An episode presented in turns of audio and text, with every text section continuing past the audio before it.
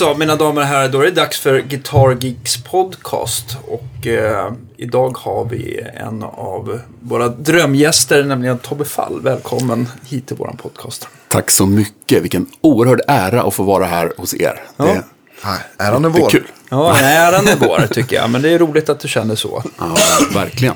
Jag har hört att du är fruktansvärt busy at, uh, at the moment med, för tillfället. Strömstedt. Ja, vi, just eh, december blev eh, en arbetsmånad, vilket man ju är glad för som frilans. Så att det är Niklas Strömstedt på Grand Hotel, julshowen som han Ja. gör där. eh, som jag är med i bandet och spelar.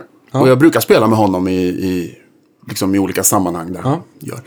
Och sen så spelar jag också på eh, Göta Lejon eh, teatern där Tommy Körberg gör eh, adventssöndagar. Så vi gör dubbla föreställningar söndagarna. I, Okej, och Strömstedt är typ eh, torsdag, fredag, lördag, eller? ja, det är mer faktiskt. Det är lite olika. Det beror lite på hur Grand Hotel, vad de har för konferenser. Men vi har kört så här tisdag, onsdag, torsdag, fredag, lördag och sådär. Okej, men, nej, men söndagar Inte söndagar. Nej. Nej, precis.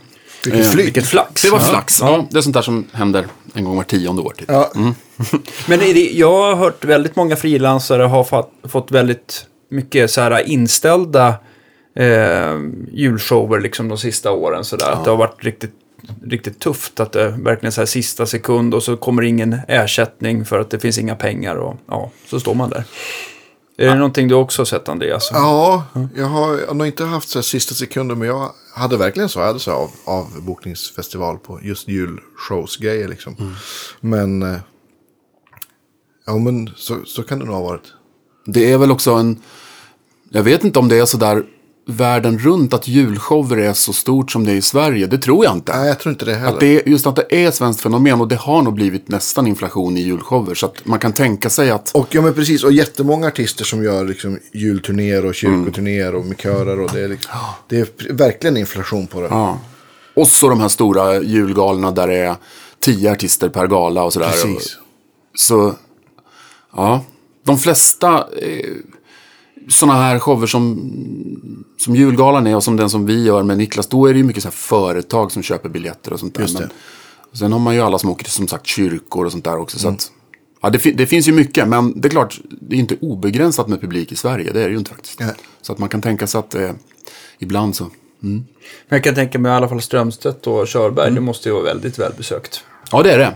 Det, är det. Det, går, det, det går bra. Båda showerna går, eh, går bra. Det kommer folk och, och eh, på Grand Hotel är det ju julbord. Liksom. Det är ju deras, eh, det är deras julevenemang där. Så de har, de har liksom renoverat och gjort vinterträdgården jättefin. Och har bytt sida så scenen är på andra sidan mot vad den har varit förut. Jaha, okej. Ja, de har byggt en ny stor scen. Och jättetjusigt och stora såna här projektioner på väggarna. Så att rätt som det är så är det Rätt som det är så är man i Venedig och sen så kommer det, sen är det, rätt som det är så är det snöfall och alltså, Okej. ja, skitfint Ja, verkligen. Mm. Mm, det är jätte, jättefint. Så att, Jag, jag känner också så här, om man, om man får chansen att jobba där, där det är julbord så måste ju Grand Hotel vara det ultimata stället. Man kanske aldrig kan ledsna på deras julmat. nej, vi brukar faktiskt lite sådär eh, försiktigt smyga ner med en tallrik och, och ta det lite är- julmat. Nej, det är faktiskt det är jättefint. Det är, Ja, det förstår det, är- det är ju topp. Ja, det är det. Ja. Sådär. Bästa julskinkan i stan kanske. Ja. Ja, det Hur länge, hur länge har ni kört? När började ni? Vi, vi har 16 shower allt som allt. Så vi började, i, vad var det, 27 november tror jag ja. premiären var. Och sånt där. Ja. Så kör ni till nästa helg? då? 20. 20, ja. Onsdag Nästa, nästa vecka. okej. Ja. Ja. Hur långa blir showerna då? Är det... Den är en, dr- 1,20 ungefär. Ja, Eh, Eller, Ganska ja, lagom. En timme och en kvart. Ja, precis. Man det, hinner bli varm, men man, precis. man kan koncentrera sig hela vägen. ja. Eller? Ja. Ja, men man kan, det, det klarar man ju tycker jag. Och, så, så, och så är det några som har liksom prator emellan sådär, och har lite, så att det sätts ihop i ett julsammanhang. Mest med Niklas så kör vi faktiskt hans låtar. Ja. Och så gör vi, ehm, ett, han har ju faktiskt gjort ett par jullåtar också. En ny. Okej. ehm, och, en, och så en uh, Tänd ett ljus, den gamla med, med triad. Triad. Just det. Så den kör vi såklart också, också. som ett ex, långt extra nummer. Med. Sjunger, sjunger den a cappella då eller? Ja, det gör vi. Så vi har det är ett sånt band, så alla sjunger. Eh, så vi har Marika Willstedt som är kapellmästare har kört hårt med oss. Ja, det förstår jag. Ja, men det har gett resultat, det låter fint tycker jag. Ja, kul. Så, att, eh, nej, så det är skitkul. Så det är, hon- det är hon på piano och sen så var det Måns Block på trummor. Ja, stämmer. Och så Mats Persson på slagverk. Och så är det Julia Faltin på bas. Och så är det Sara Niklasson på eh, ackgitarr, mandolin, fiol och kör. Och sen så är det då jag på elgitarr. Ja, så det är lite 50-50 ju. Mm. Och så Niklas själv spelar ju både ackgitarr och elgitarr också. Ja. Spelar rätt bra gitarr. Ja, absolut. Verkligen. Är han en gitarrnörd? Ja. Vi pratade om det precis då du gick och hämtade kaffet. Ja. Ja, jag sa missar alltid viktig information när jag ska eller kaffe. Men sen nu kommer jag ihåg att ta upp det här. Ja, bra. Niklas är en, en gitarrnörd av stora mått och han kan mycket om gamla klassiska gitarrer och han eh, är ständigt sugen på nya grejer. Och eh, just nu vet jag att han håller på och längtar efter sin nya tailpiece till hans Rickenbacker 12 som han har haft beställd hur länge som helst. Ja, men Rickenbacker är inte känt för att vara kanske det snabbaste. Nej, nej, de... Ja, det- är familjeföretag. Alltså, nu vet jag inte om det är så, men förr i tiden då var det någon som satt på, på exporten där som, som eh, hade som eh, vana att eh, dricka under arbetstid. Så att, eh, det, var på, det, var på ett, det var på ett sätt på förmiddagen och så, så Ja. blev det liksom mera onyktra Efter samtal efter lunchen. då spårar det ur. Ja, just det. Ja, alltså nu ska ni komma ihåg att det här är ryktesvägar så att jag, det, Ja. det är möjligt att det inte stämmer. Men det var någon... Någon Jag har jobbat med mycket som- britter så att jag, jag ser Ja, inte alls det. som någon Ja. omöjlighet. Ja, fast Rick, Rickenbacker är ändå... Är det amerikanskt? Det är amerikanskt. Jaha, okej. Ja. Sen vet jag inte exakt var de... Det kan vi återkomma till var de ligger, men jag tror att det är västkusten. Men Mm. ehm, ja, jag har haft fel på... Jag har aldrig ägt en Rickenbacker. Jag Inte jag skulle heller. vilja, Inte jag jag skulle, heller. skulle vilja ha en faktiskt, för att, bara för att det är så cool. Liksom. Men tolvorna är ju balla. Ja, de är ju det. Och det De är ascoola. Jag lånade en av eh, eh, Robban van der Swan. Jag Mm. behövde den på en inspelning. Och eh, det blev jättebra, men jag tror att jag stämde tre fjärdedelar av tiden. Ja, just det. Man är som en sån här tant med harpa. Sån här som aldrig får ta fikapaus, man bara stämmer igen. Ja, De, du vet, precis. Men, men jag kan säga, jag har ju haft några sådana här Rickenbacker 12 eh, inne för, för ja, allmän setup och sådär. Och jag måste nog kora dem till i alla fall, nej det kanske är det tråkigaste instrumentet att stämma om. För att de har ju, de har ju eller stämma, stränga om i alla fall, eller justera dragstångar. och Så här. Dels att de har två dragstänger, alla Rickenbacker, okej. så att man måste liksom efterknäcka dem. Gärna hjälpa till lite med knät där, det ser lite läskigt ut. alltså, har du även sexorna där? Eh, ja, absolut. Och basarna också. Så att eh, de... Eh, men man måste, där, den här stora klockan, eller där är ju hela loggan. Och där måste man ju, för att kunna justera dem, så måste man ju, och få bort den här eh, klockan där loggan sitter. Då måste man ju ta av de flesta strängarna bara för att kunna plocka upp Ah. av den. Och sen får man stämma upp igen. Jaha. Och sen som ni vet så är ju vissa, vissa sex av stämskruvarna, de är ju som, som, en, som ju sitter ju, eh, ja, på, ett, på det, åt det hållet som en klassisk gitarr gör. Just det. Men en klassisk gitarr, de är ju liksom slotted, alltså de är ju hålade igenom, men det är ju inte Rickenbacker. Så där är det ju ännu trixigare hur man ska liksom fästa strängen och ja, den är, den är lite dryg att stränga om kan jag säga. Ja, ja, ja, ja. Just det. Men det är ju ett väldigt eh, karaktäristiskt sound. Det låter Ja, fantastiskt ja. fint. Ja, det gör ju det. Ja. Det ja, verkligen. Det är, så att, men jag tycker även sexorna och även de där med lite mindre kropp, de är rätt coola liksom. Man, sk- ja, skulle man ju vilja ha en någon gång. Som, ha som Man vill ju ha, man vill ju ha en till. Liksom. Man vill ha en till. och sen vill man ha en till. Ja, exakt. Igen. Hur många eh, en till gitarrer har det blivit här? Ja, men jag har nog kanske, om jag räknar hemma i gitarrställen så är väl, ja, jag ska tippa att jag är väl runt, det är väl runt 40, ska jag tippa. Ja, Någonstans. det är en lagom siffra Det tycker jag, ja. Det är en lagom familjesatsning Ja, man har. precis. Mm. ja. Nej, men vi får, får bjuda hit Niklas. Jag, jag, jag vet att han, jag har sett att han gillar vår podcast. Han Ja, lyssnar säkert ibland också. Och Det vore ju, det vore ju stort. Det det är nästan så för stort att ta in och ha med Niklas. Men det, är- ja, det ska vi nog klara av. Ja, men han, Han är en mycket modest och trevlig person så han skulle göra sig väldigt bra i den här soffan Ja. faktiskt. Niklas, du är varmt välkommen. Eh, av, av dina 40 gitarrer, vad, vad är det som är, är det någon som liksom alltid åker med som är den här riktiga arbetshästen? Jag tänker inte att- att den kanske, man tar väl lite med den som kanske är mest värd alltid eller Nej. Den som man är mest rädd om så. Men jag tänker någon som alltid är med på, Ja, jag På har, scen. jag har en, eller Jag ska säga, ja, det, det är väl, nej inte som alltid med på scenen. Men jag har, beroende på att man gör så väldigt många olika sorters jobb. Så för, nu ska vi se, det är kanske är tio år sedan då. Men då, det var i och med att jag skulle vara med och spela i orkestern på eh, musikalen Mamma Mia. Då tänkte jag att, men nu ska jag köpa en gitarr som är sådär, en sån där arbets... Ja, precis en sån där smör och brödgitarr. Liksom. En sån där som man kan använda jämt och ha till allt. Så då, då har jag haft, under många år haft bra deal med Fender. Så då, som också jag har Gretsch och som hade Guild och sådär förut. Och då köpte jag en sån här, en ny, eh, en Fender Strata American Deluxe. Kanske att det är en 2005 eller något sånt där. Som har så här alla features liksom. Den har låsbara stämskruvar och den har rullsadlar och den har eh, Lite modernare svaj med pop-in-arm och lite Precis, tystare där. mickar och sådär. Ja. Och så bytte jag faktiskt de mickarna för jag tyckte de var rätt trötta. Så jag satte på såna här uh, Fletcher Landau, Sir Fletcher Landau heter de va? Eh, Så det är två, och det är liksom eh, två singelcoil, en handbacker med någon sån här backplate och det och så har jag gjort om det switch-systemet så att, så att det är en, en, en vanlig coil-switch till handbacken så att den kan bli både och. Ja.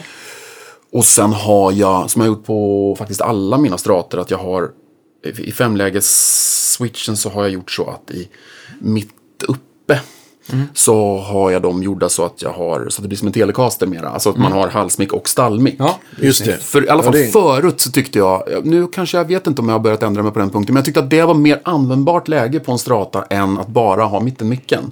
Mm. Eh, fick jag för mig. Så har jag gjort så på dem. Så att mittläget för dig är liksom det läget, eller? Ja, så att, så att i, i, i mitt uppläget så att säga, Ja, där är mittenläget. mittenmickens position helt Ja, enkelt. ja, Läge det. tre av Ja. fem. Eller, Ja. ja. Ja, just det, precis. Där, då har jag dem gjorda så att så då är det eh, halsmick och stallmick. Och på Ja, den det. gitarren då så blir det halsmick och handbacker eller halsmick och det. single coil beroende på hur den är ställd. Det Liksom. blir lite, det blir lite mer tele-style Ja, på det exakt. ljudet. För jag tyckte att det är så bra, det är sån där bra komp man kan Men smasha. jag, jag tycker också att den, det läget gör att det bär lite, jag kan inte säga om det fasar i eller ur, eller mer eller mindre, men det känns som att det läget bär lite bättre i ett sammanhang än ett vanligt sån här äggläge, det vill säga position Ja, men absolut. fyra och två. Ja. Precis. Men det där kan man ju lösa. Jag älskar ju mittmicken. Den Ja. är nog den som jag spelar mest på. Eh, för att den är liksom inte för basig och den kanske inte för, eh, för vass eh, så många mickar kanske kan bli ibland. Då, så att jag använder den mycket. Men då kan man ju också eh, laborera eftersom det finns två tonkontroller så kan man liksom göra en sån här eh, att man, en bländput, att man bländar in halsmicken när det, där eh, mickväljaren står på position 1. Eller Ja, just det. stallmicken Just det. där är position 5 så kan man blanda dem så. Då. Just det. Och, det. och det är nog faktiskt så jag tänkte att jag kanske skulle göra om det nu. För att det, nu har jag nog på senare år börjat tycka om lite, lite liksom edge, lite kantigare sound. Och då kan jag tycka att det kanske är lite cool att ha den där ändå. Men i alla fall den gitarren har liksom blivit en sån där en sån gitarr som man liksom kan använda till lite vad som helst. Fast den är ju inte någon riktig babe. Det är den inte. Det, Den är sådär. Den är och förblir som en ny gitarr. Som, sådär som liksom, man väntar på att den ska bli. Men, men den har också några features som jag inte riktigt, riktigt diggar. Och den har, jag tycker den har lite för... Alltså jag gillar ju gamla gitarrer mycket för att jag tycker om gitarrer som har ett rätt tunna band. Av någon anledning. Jag vet inte riktigt varför jag tycker om det, men den har ganska så feta jumbo. Ja. Den känslan är inte jag så förtjust i faktiskt. Av någon anledning. Inte på den gitarren i alla fall. Men den, men den är bra och den är pålitlig och den är med liksom. Så den... Och så kompletterar jag ofta den gitarren. Det är nästan aldrig, och det kan säkert ni skriva under på också, att man... Det är väldigt sällan jag åker iväg på ett gig med bara en gitarr. Mm. Nej, det gör jag nästan aldrig. Nej, utan man har, så antingen så blir det, då brukar jag ha antingen en tele och då har jag en, eh, då, då har jag en, en, ja det är en original, inte riktigt, men en, en 78. Eh, som det sitter, som jag har så här, den blev så väldigt mikrofonisk så jag, jag satte på, det är så här Van Sant-mickar på den. Ja, just det. Ja. Den är ganska schysst den gitarren. Den är lite så här skönt kantig och lite hård att spela på.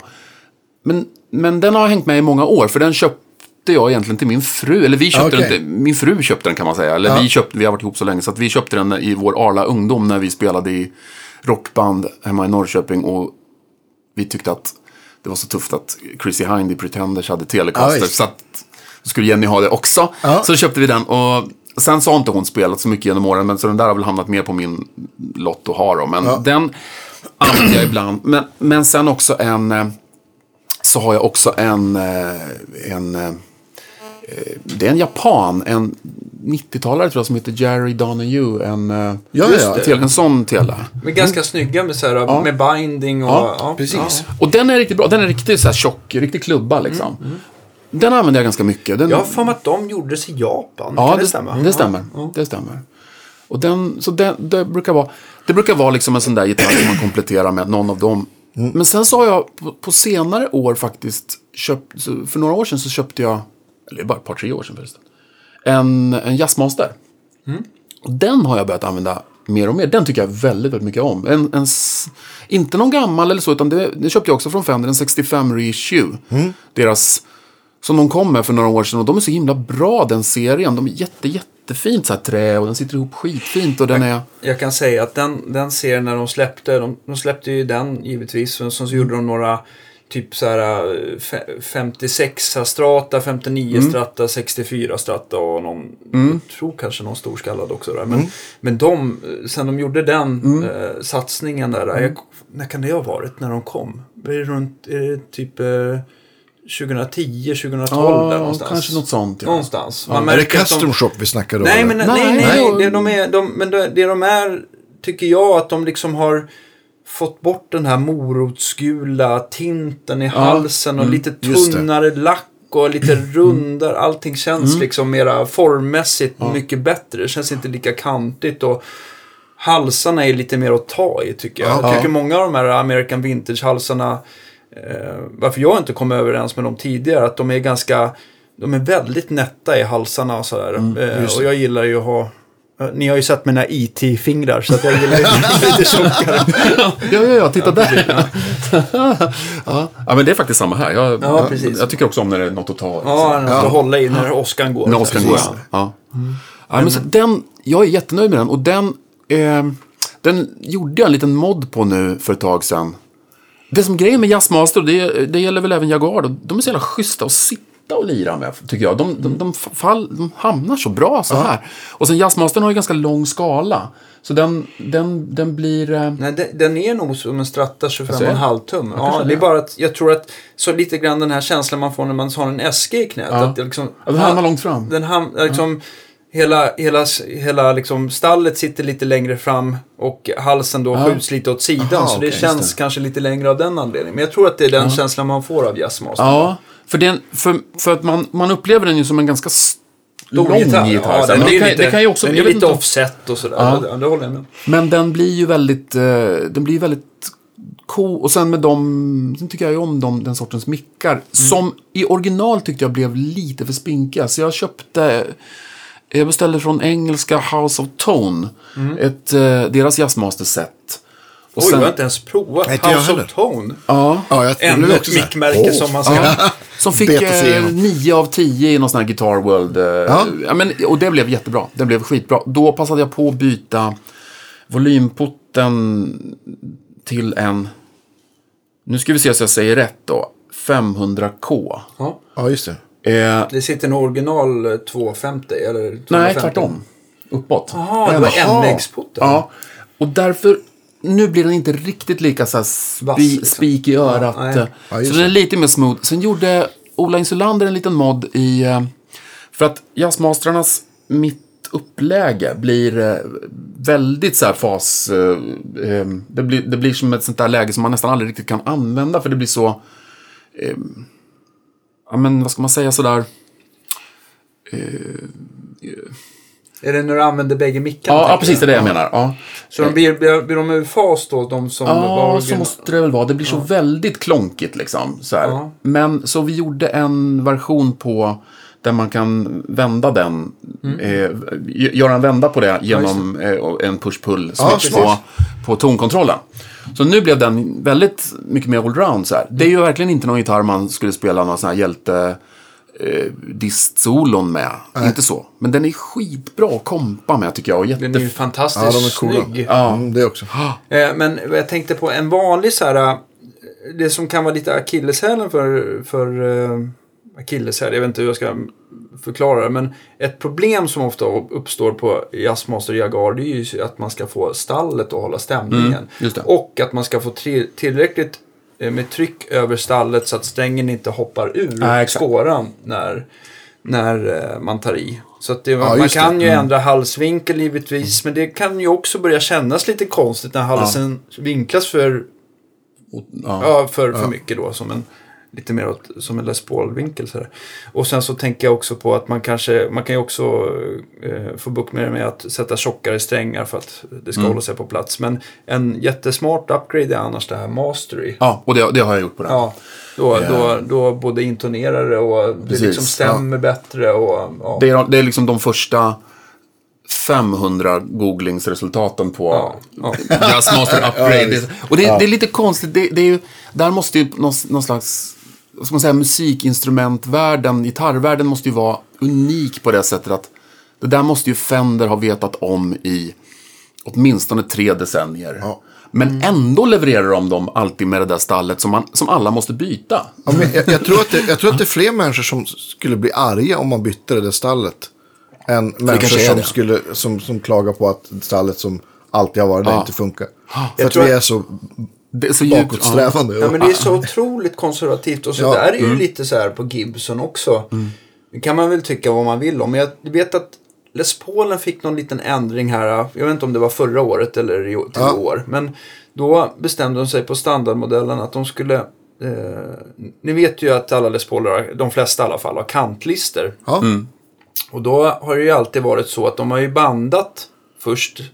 Sen har de slipat det längs greppbrädan, de här bandändarna. Sen så har de tagit på kantlisten och sen så har de liksom då, eh, vad ska man säga, sicklat bort eh, kantlisten så att det blir som en liten plast eh, på varje bandstav. Ja, med? Att det Mm. sticker Ja, upp mm. där Ja, lite ja, grann. det. Men nu har de ju valt att, att, att den här bandet ska vara precis som de flesta andra modeller eller när man bandar om att man, man, eh, man förklipper bandet innan man sätter i det och Ja. eh, att det lägger sig över kantlistkanten. Ja. Och det tycker jag väl inte, det är ju egentligen bättre. Det blir ju mer band innan strängen Precis. eventuellt glider av och sådär. så att det. jag ser inte det som någon nackdel alls. Men det blev ju ramaskri givetvis. Ja, ja, ja, ja, ja, de det. gjorde om det där. En lång historia. Folk men jag rasade tror, på jag tror, forumen. det, känns, det känns verkligen som att, som att eh, som Fender är väldigt eh, konservativt. Mer än Gibson. Gibson har ju ändå provat det här med eh, kanske Robotstämmare inte, och- inte Ja, just det. De, har- ja, precis. De har haft lite sådana... Ja. men jag, jag vet inte om det är sant, men jag tror i alla fall att, det, att, att Gibson även ägde eh, det var liksom inom samma koncern där som hade de här robotstämskruvarna. Så Ah, det blev en jätteorder för det företaget som säkert var bra eh, för värdeökningen eller någonting Ja, just sånt där. Ja. Aktier eller någonting sånt där. Så det var nog någon... En sån skiss. Men det så- har de lagt av med nu, eller? Ja, de Ja, tog bort det. Jag tror att halsarna blev för breda och... ehm, eh, nej, nu är de tillbaka till, till eh, normalt. Det känns inte som att det är ett jätte, jätteproblem här i världen att vrida på stämskruv. Alltså det känns inte som en sån grej som man måste göra en, en sån stor manöver för att... Alltså det, det som hjälpmedel betraktat så är det... Det liksom kostar mer än det smakar på något sätt. Verkligen, jag håller med. Mm. Det, Då, ty- då tycker jag i alla fall att det är många Gibson som skulle...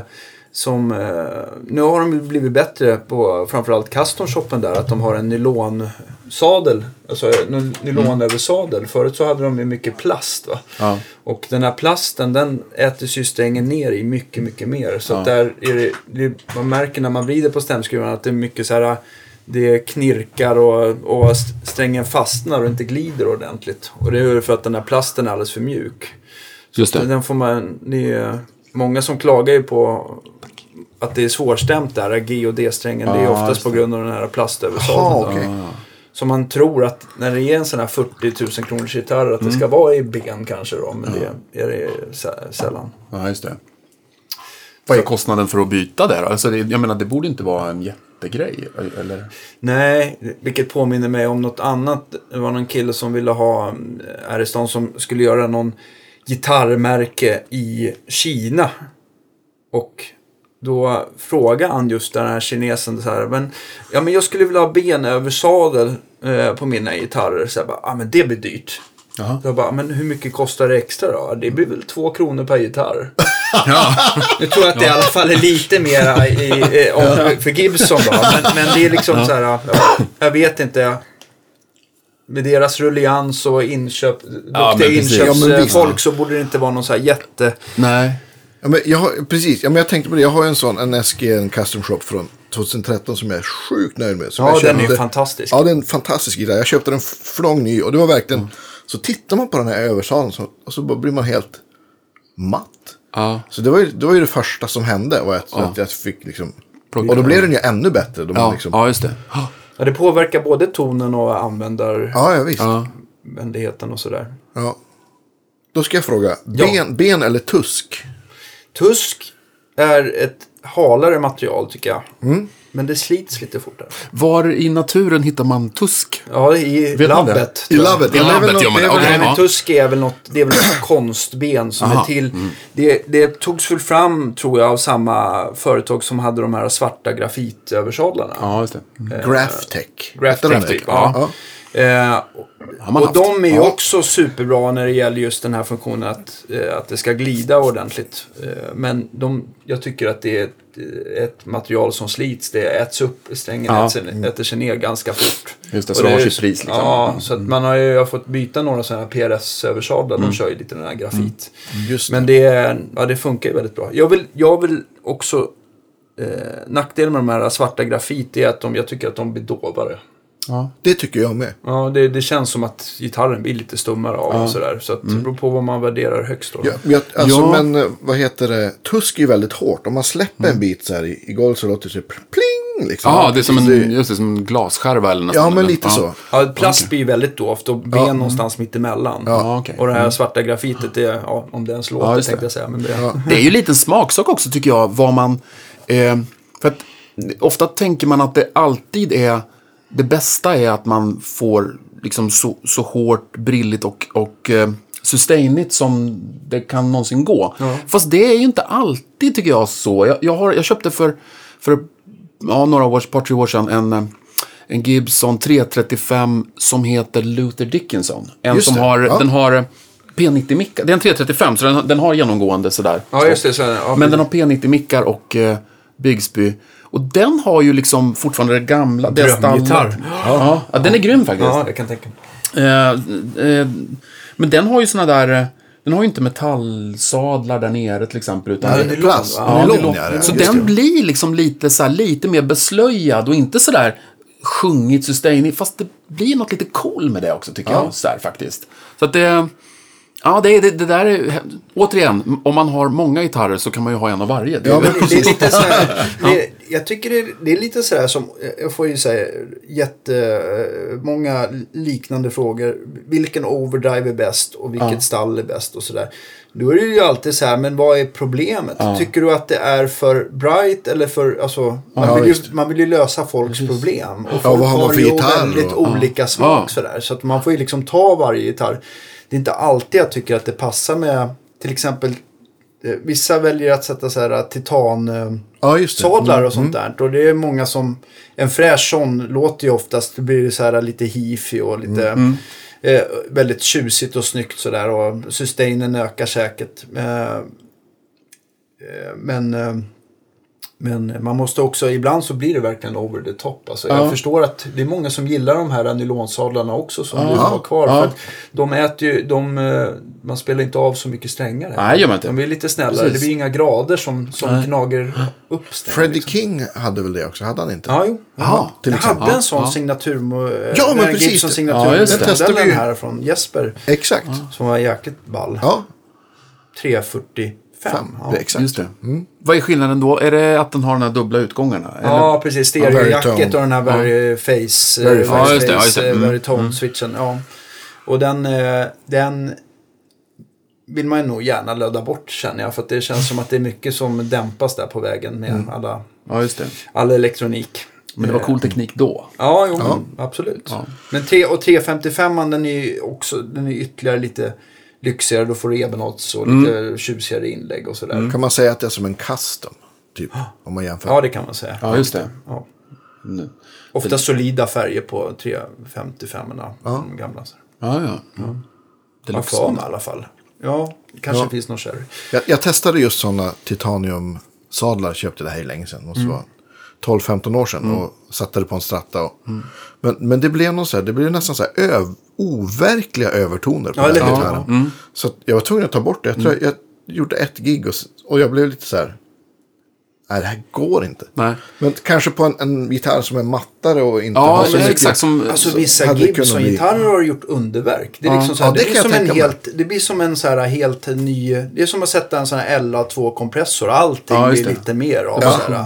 Ja, men klart, om man inte har så toppiga mickar heller, då kan man tänka sig att, Ja. att det sjunget kan kompensera för att, så att det inte känns... Precis. Som, ja. Precis, och så där kan det vara med de här stainless steel-banden också som man bandat Ja, om lite visst. grann. Det kan bli lite too much på en mm. lönnstratta med Ja. askkropp. Men Ja. på en mör, mörkare 335 kan det göra underverk liksom. Så det blir lite piggare och så. så att, eh, Eller en, en stratta med Rosewood. Jag har ju det på en, Ja, en Rosewood. just Ja, det. det. Tycker jag. Jag är jättenöjd. Ja. Ja. Jag fick, fick lite mer klipp bara. Lite mer sustain. Men sen så ska man säga att man, eh, det, den första generationens stålband, man nästan ser dem. De är näst, har nästan en sån här lite gråblå ton. Ja, precis. Jag Ja. har för mig att de nästan är ännu hopplösare att arbeta med. Men, Ja. men det, det som görs idag från Wagner till exempel är ju är mycket närmare nickelbandet. Just i, det. I både sound och, och lättare att arbeta med i alla fall. Det är klart, det sliter lite på verktygen. Men... Kör du sådana eller? Ja, jag, jag har bandat om det. Och jag, jag, eh, det är lite mer jobb och man får ha lite kralligare tänger och, och, och köpa lite nya filar och sådär. Men, men eh, det, eh, det är inte så mycket svårare att banda med det. Det tycker jag inte. Nej. Men livslängden på dem, den... Det, det är, ja, jag skulle säga... Man får även hålla efter dem. Det blir lite små jack och grader som man får putsa bort. Men eh, ja, fyra, fem gånger längre. Ja, det är så ja. Ja, det tycker jag. Lätt. Det tror jag. Du har väl inte haft några problem med din? Nej. Däremot så kan det, det kan bli rent tonalt kanske att det blir lite eh, kallare och lite, lite snärtigare sådär. Men, Som sagt, det beror på vilken gitarr. Ja, men det kan ju, vara, det kan ju finnas sina gitarrer som...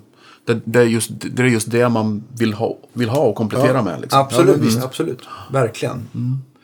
Det var, Eh. det var kul att vi var inne på förut det här med, du berättade om din stratta med den här modden. Och Ja. det, jag tror att jag sa det något program vi gjorde för ett tag sedan också. Att det borde, man, borde vi nästan göra ett program om. För det finns så mycket bra sådana. Ja. Och, det, och om man pratar man med 20 gitarrister så kommer man säkert få fem olika varianter Ja. på, på olika kopplingar. Och, Ja, ja, verkligen. jag har haft ett gäng. Just den, just den där har jag aldrig haft. Jag är lite sugen. Jag vet att Staffan Johansson har satt det på en, en, så- alltså en push-pull på, på tonen. Så att man kan bara dra upp. Ja, just det. Så får man ju kvar liksom. Ja. Jo, men det, ja. ja. Var var vi någonstans? Vi var på Jazzmaster. Ja, det var vi. Just det. Ja, precis. Om jag skulle... Ja, det var så. Om jag skulle komplettera tjänstestratan då. Ja. Med eh, vardagsstratan, som vi kallar den. Eh, med eh, nå, så Jazzmastern eller Tele. Men sen så spelar ju jag faktiskt... Jag har ju under många år tyckt att det är så roligt att spela på Gretsch-gitarrer. Så att jag har en... Jag har också en 6120 Nashville, en svart. Just det. Som jag köpte ny kanske i början på 2000-talet. Något sånt där. Eh, och den har jag faktiskt aldrig skruvat ett halvt varv på en enda skruv på. Den är så jävla bra den gitarren. Ja, vad coolt. Och det är rätt coolt, för de, de är så... De är ju rätt så här... Alltså det är rätt...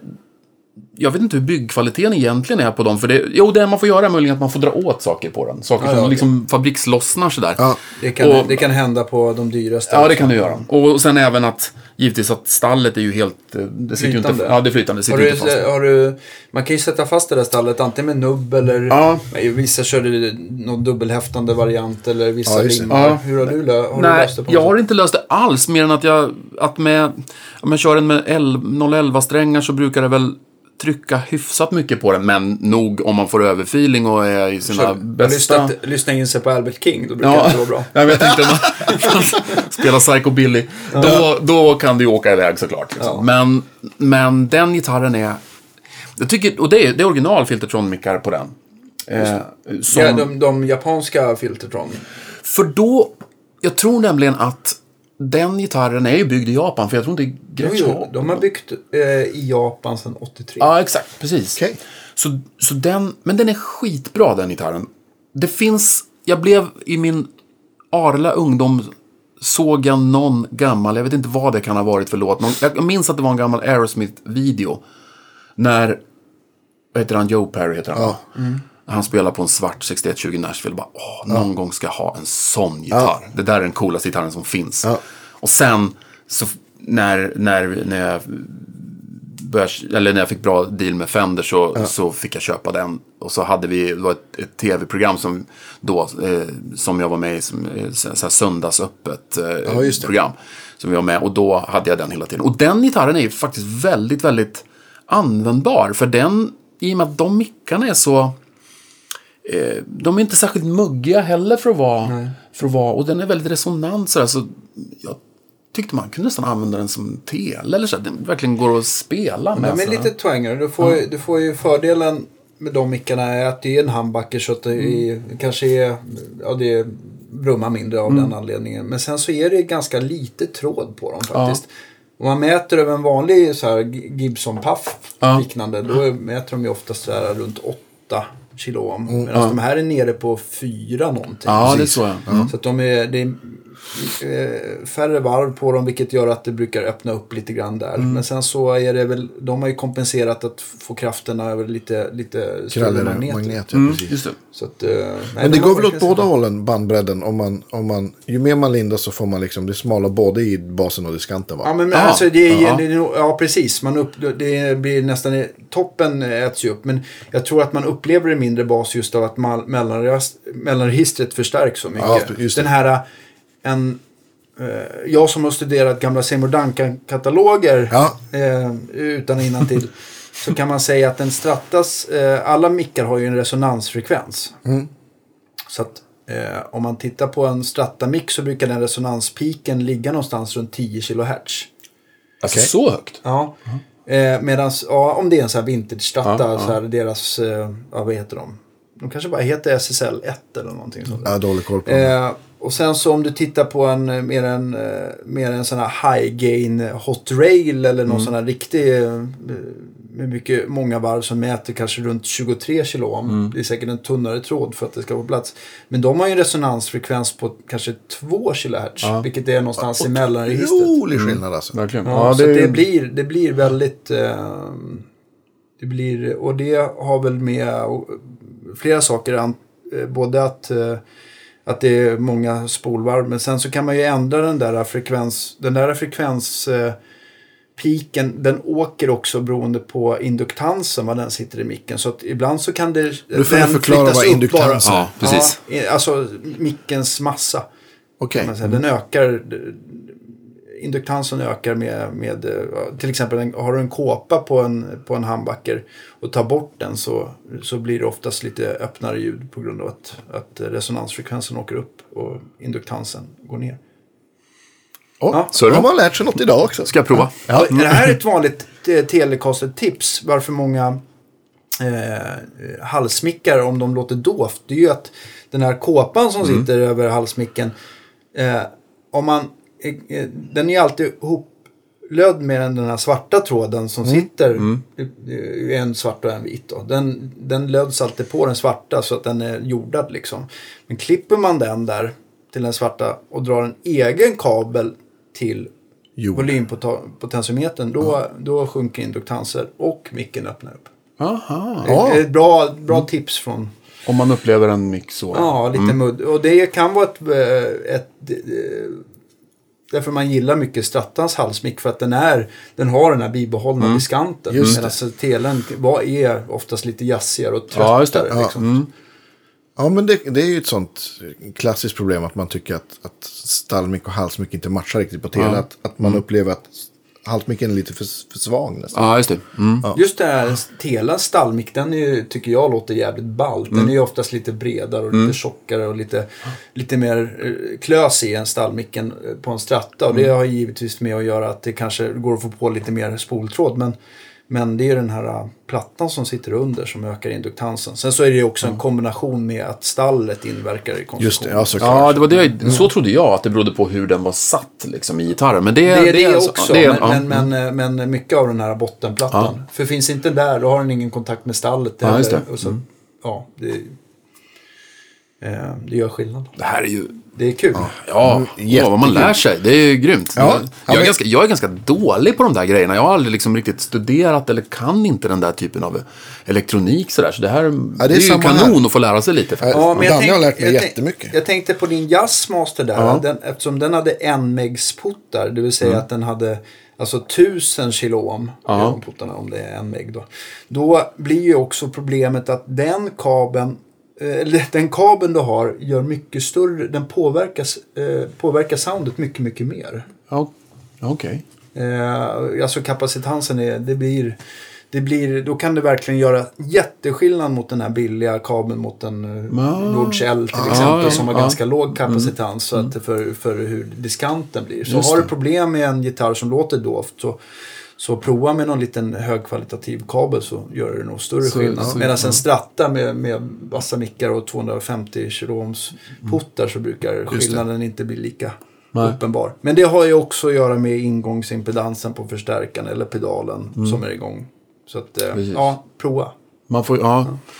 ja det, det är väl det man, det man alltid har stretat med. Det är väl det där att få, att få olika gitarrer att bli kompatibla i förhållande till varann. Så att man kan ha dem bredvid varandra i gitarrracket. Exakt, Och det, det, det är ju det man, eller hur? Eller Ja, hur? In, du har ju inte tid att stå och skruva på stärkaren. Nej, det gör man ju inte. Utan, utan, utan mer sådär att man anpassar vart efter gigget går. Man, ja, men den här låten passar att köra. Det, det, det har ju faktiskt hänt ganska många gånger. Jag har en, en Les Paul, en 70-talare, en 78 tror jag, eller 79 och sånt där. Eh, den är ganska sluten, den är ganska muggig sådär. Det blir ofta att jag inte använder den just av den anledningen att om alla andra låtar att man smashar iväg på en tel eller en strata så blir det så väldigt stor skillnad. Liksom. Så det, det där tycker jag är det man, man ofta tänker liksom på. Vilken, Och där funkar gretscharna rätt bra. För de, Ja, de, blir, rätt, kom- de blir matching, ja. kompatibla. Liksom. Precis, de sticker inte iväg allt för Nej. mycket output. Nej, precis. Eller att det är diskantbortfall. Just men men det, man kan göra underverk där.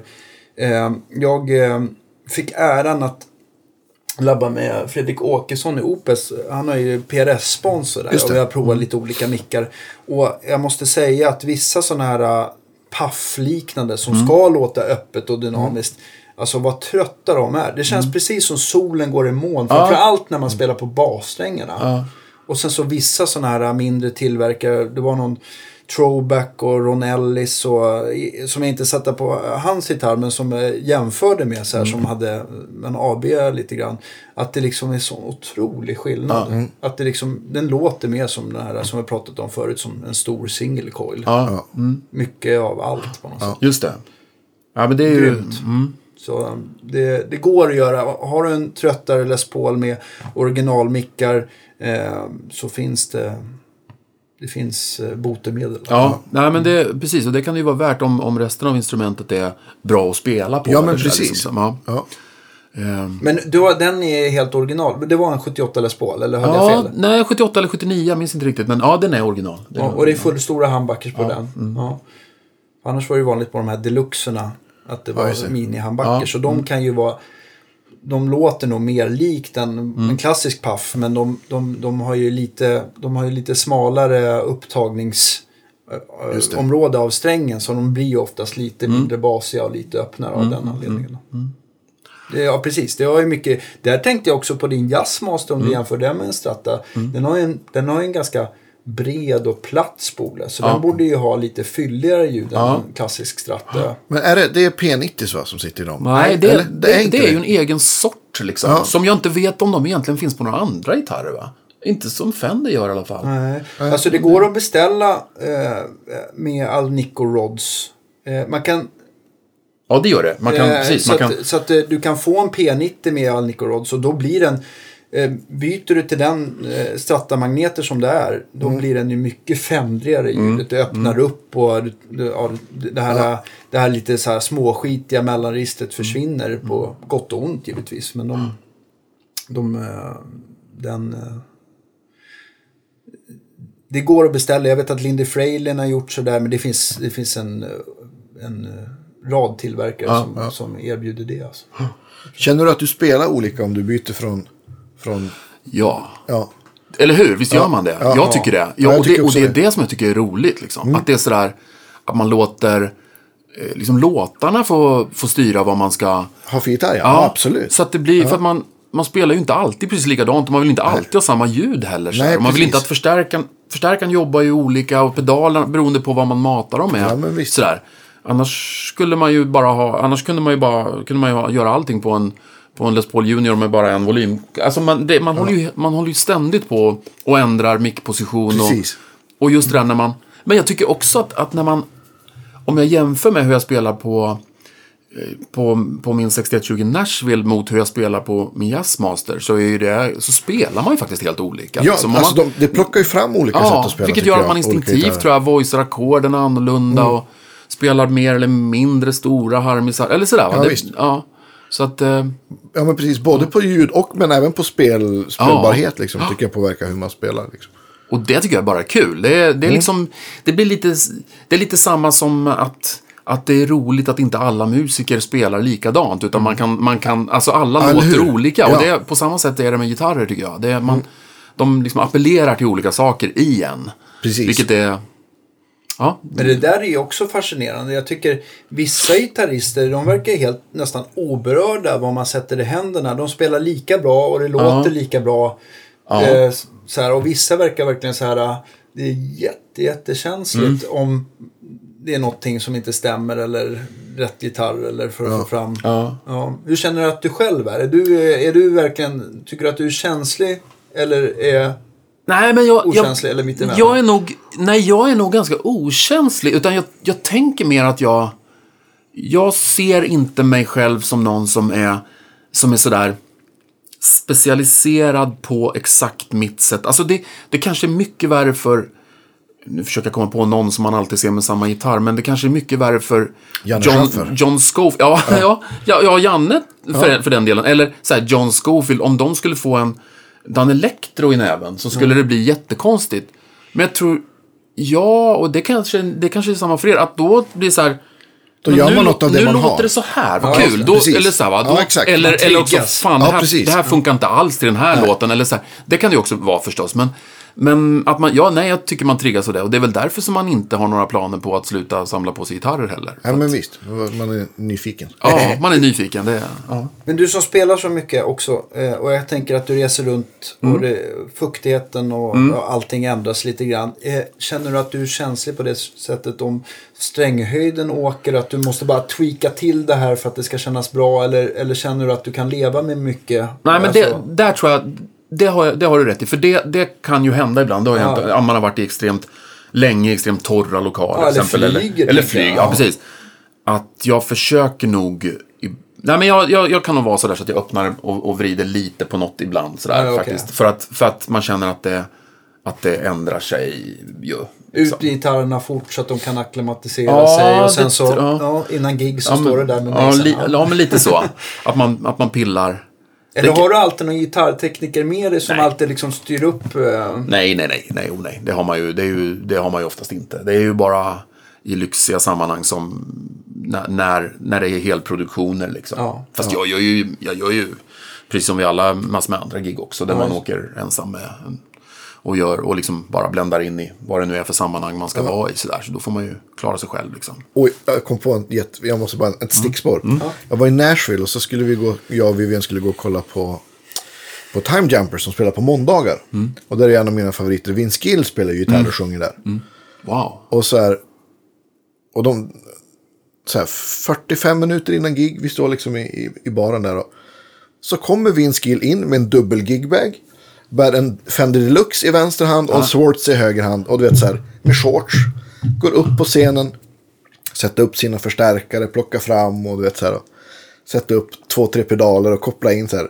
Och då blev, jag, då blev han ännu mer hjälte för mig. Ja, så här. verkligen. Den här superstjärnan går publikentrén genom hela lokalen och bär sina egna förstärkare som han har plockat ur bakluckan och det bara ja! Precis, han skulle ha råd att ha hundra gitarrtekniker liksom. Ja men eller hur, han skulle kunna ha en heltidsanställd Ja. gitarrtekniker som bara du Du vet. skulle tacka ja. Jag med. Ja, lätt. Vi gör ihop. Ja, visst. Ja. Stickspår, men Nej, men det, då, det tycker jag, då växer ju han. Det är ju, men det är väl också ett bevis för att, ett bevis på att han inte har tappat eh, lusten till det. nej men eller hur. För att, för det är väl det som är den mest eventuellt förödande faktorn som alltså för alla musiker, det är ju att man blir trött. Liksom. Ja, visst. Ja, det, Det tycker jag man har varit med om ibland. Folk som, det, det, är det, det är det mest osexiga jag vet. Det är när man ska spela och folk är så här. Oavsett instrumentslag. Så, här, "Nej, men jag, jag tar med linar. Eller jag, jag tar med bara något litet. Det här är mitt minsta trumset. Eller jag orkar inte. Nej. Det tycker jag är så fruktansvärt tråkigt. Ja, det tycker jag också. Ja, det är mycket kompromiss och... Ja, bara Ja, för att man ska så slippa... minsta motståndets lag, Det liksom. viktigaste i musikbranschen är att man ska slippa bära. Det, då tycker Ja. jag att det är så här, men lägg av istället faktiskt. Ja, men precis. För det, då... ehm, det vet jag, vi har pratat väldigt mycket om det, jag och min gamla bästis Magnus Fritz, Ja, ja, trum, trummis. Ja. Att, eh, vi, har, vi har sagt det till varandra, att den dagen som vi börjar på att skita i vad vi har för prylar, eller, sk- eller liksom ta, tar enklast möjliga, eller så här, då, då får vi påminna varandra Sparkar om att det, då är det dags, att, då är det Ja. dags, att, dags att börja slåss eller lägga av. Liksom. Ja. Ja. Mm. Då, får ni, då visar ni den andra rött kort helt enkelt. Utvisning. Ja, men jag, jag, tycker, jag tycker att det, och det, för det smittar av sig musikaliskt och det, det smittar också, den typen av trötthet gör att, att det lägger ett lock på, alltså det, är- det är så otroligt kul att spela när alla är sugna på att spela. Då blir, då, Ja, mm. det är en enorm skillnad. Bara liksom den inställningen till ja Men, det, men har, du, har du någonsin eh, varit inne, jag tänkte på att vi spelade in med Tobbe, Tobbe Stener här och att det är liksom många eh, som liksom körde på 80-talet de här stora kylskåpsracken. sådär. Ja. Har du varit inne i det träsket också? Ja, jag hade en... Ja, alltså jag är väl tio år yngre än Tobbe då, så att jag var väl, jag var väl lite efter det kanske. Men jag hade det. Jo, jag, jag, jag hade någon ganska skitsad period i min början, därför att det var då man man fick sina liksom ideal för man tittade på skivomslag, man tittade på bilder och det var jo, man skulle ju ha rack liksom, till varje pris. Men samtidigt så, så då hade min lust väckts till liksom Stevie Ray Vaughan och, Ja, och så att jag hade någon slags konstig Ja, det var väldigt konstigt mittemellan-rigg där med att man hade någon sån här GP8 eller GP16 eller vad hette, och sen alla någon lustig exciter, de hade equalizers, olika delayer och grejer så där som man hade i rack.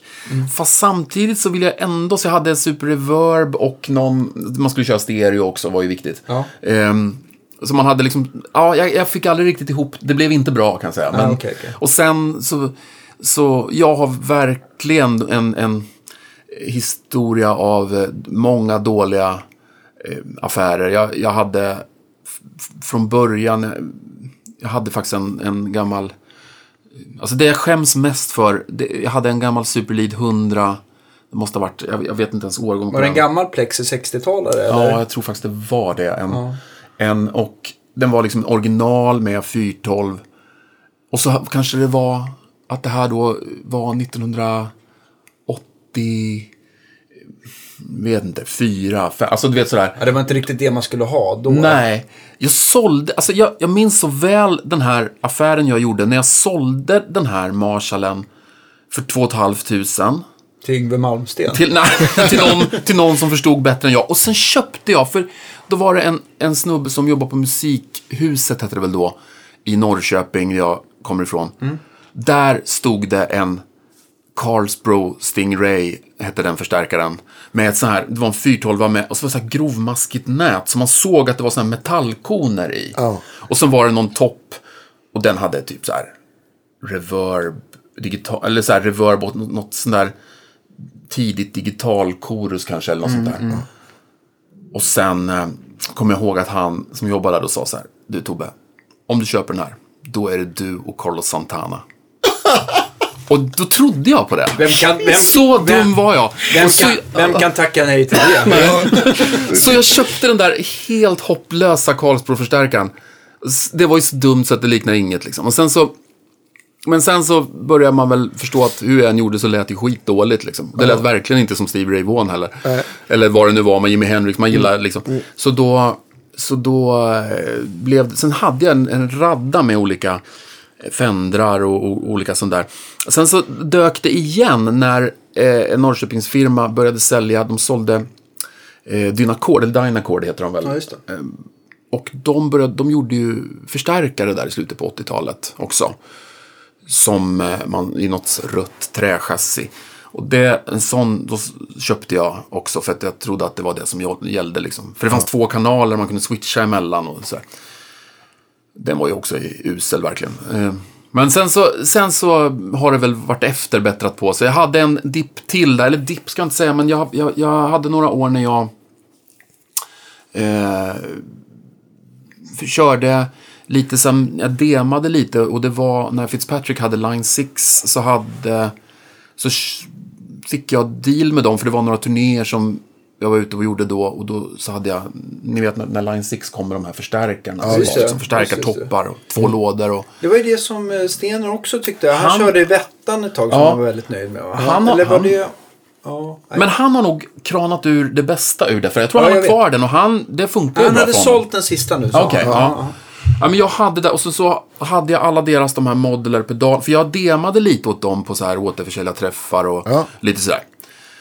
Men det slog lite bakut till slut. Jag blev så trött på det. Så sen dess har, jag, har, det, har det varit mer att, jag, att man har haft... Eh, att jag tyckte att det är roligt med rörförstärkare och, och, och, och puckar och sätta upp pedalgolv. Och det tycker jag fortfarande faktiskt. Vad, vad, är, vad är det för förstärkare som, eh, som du helst pluggar in i idag? Av dina? Den som jag, den som jag använder mest är en... Eh, och den, den är inte gammal. Den köpte jag också från Fender för de sålde... De, det är en deluxe, alltså 22 watts eh, deluxe. Alltså en deluxe reverb? Deluxe reverb fast som topp. Just det, Ja. den såg jag annonser på. Kul. Ja. Och det, en sån som topp. Och sen så köpte jag en, eh, en 212, en Vibro King.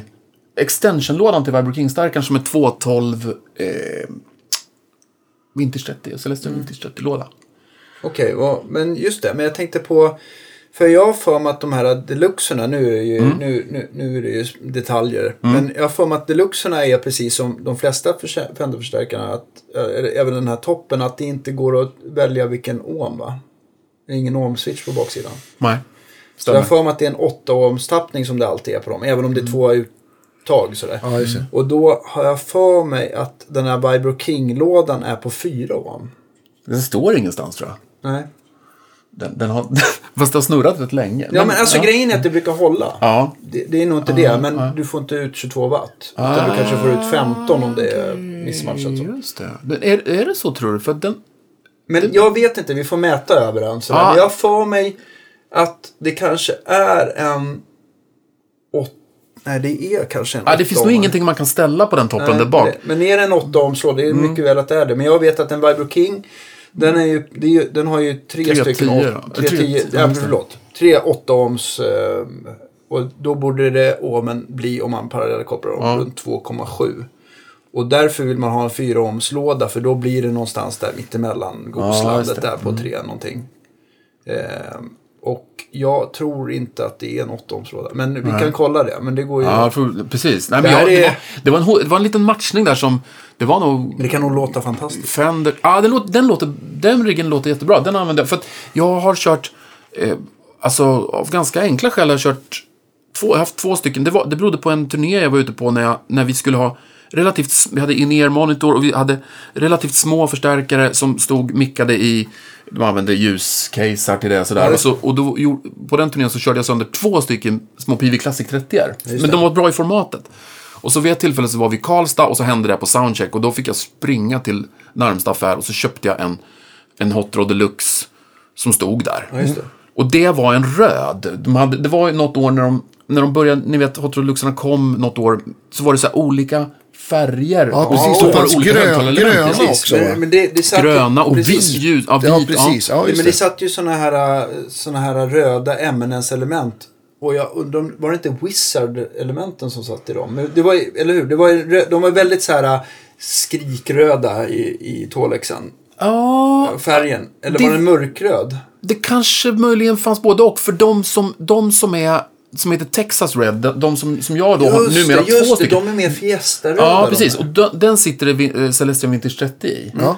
Och då blev jag så nöjd med den, för jag tyckte den funkade så jävla bra sen. Så då köpte jag en likadan till när jag hittade en. Så tänkte jag att ja, men det är cool att ha två stycken sådana i samma färg, så har jag det.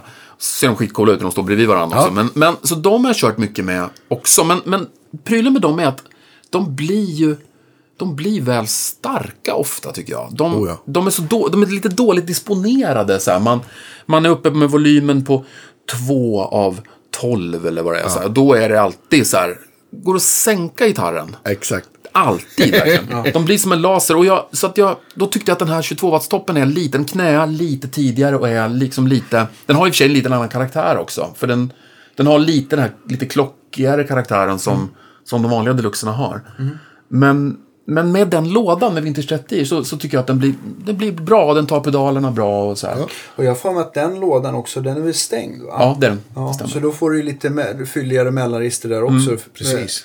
Och Vintage 30, jag, jag, min goda vän Gunnar Lidström, han, har ju, han kör ju gärna Vintage 30 i de här Deluxe Reverb och det funkar ju grymt säger han. För det liksom Ja, fyller, eftersom det är en stärkare som är ganska hängmattig, att det finns bas och diskant, så är 30, den, den trycker på mellanregistret där lite grann där man tycker att det bär. Och Precis. framförallt i ett sammanhang tränger igenom. Ja. De kan låta kanske ibland, i, i alla fall i vissa stärkare, lite, lite hårda och liksom middiga sådär. Men det är inget dumt element. Nej, Nej och det, min erfarenhet är att de, att de över tid mjukar upp också lite grann. Oh ja, oh ja. Alltså, Man kan ju få element inspelade också av vissa. Ja, just extra, då, då går de igenom så här, någon, att man spelar radio eller någon sinusvåg som, Ja, just. Som, och mjukar upp. liksom. Ja, och det händer ju en hel del efter en eh, 30-40 timmar. Ja, jo, men det gör det. Den, nu märker jag att den, här, att den här lådan, att den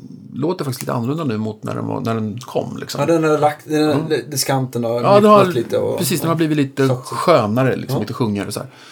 så det är väl den förstärkaren jag använder oftast som huvudstärk. Och den är, inte, den är liksom, eh, den är ett ganska bra format också. Så. Ja. Och sen kan jag skryta med eh, att jag har fått jättemycket beröm av, eh, av massa tekniker. Därför att jag... Det var, nu i höstas så var jag med och spelade in eh, en ny omgång med eh, tv-programmet Så ska det låta. Och då, med, som de har gjort om då lite grann. Så att de har, det är all, alla, inklusive alla i den produktionen var nya från och med nu. Och då har de tagit in, det var ett nytt band. Förutom Marika. För, förutom Marika. Förutom Marika. Eh, och då var, visade det sig när, när, när, vi hade, när, när de hade byggt upp scenen där, det var Micke Musikerservice som, som byggde scenen. Och, och, och, och, då var det så pass... Eh, eh, nej, förlåt, Micke Nogueira var det som byggde. Och då, och då var det så, så trångt så att vi, de var tvungna att skärma av lådan på något sätt. Eh, och då, för jag vill inte heller hålla på med så här Kemper-lösningar. Jag tycker, jag tycker det så, återigen, är roligare med en riktig förstärkare. Så, här. Ja.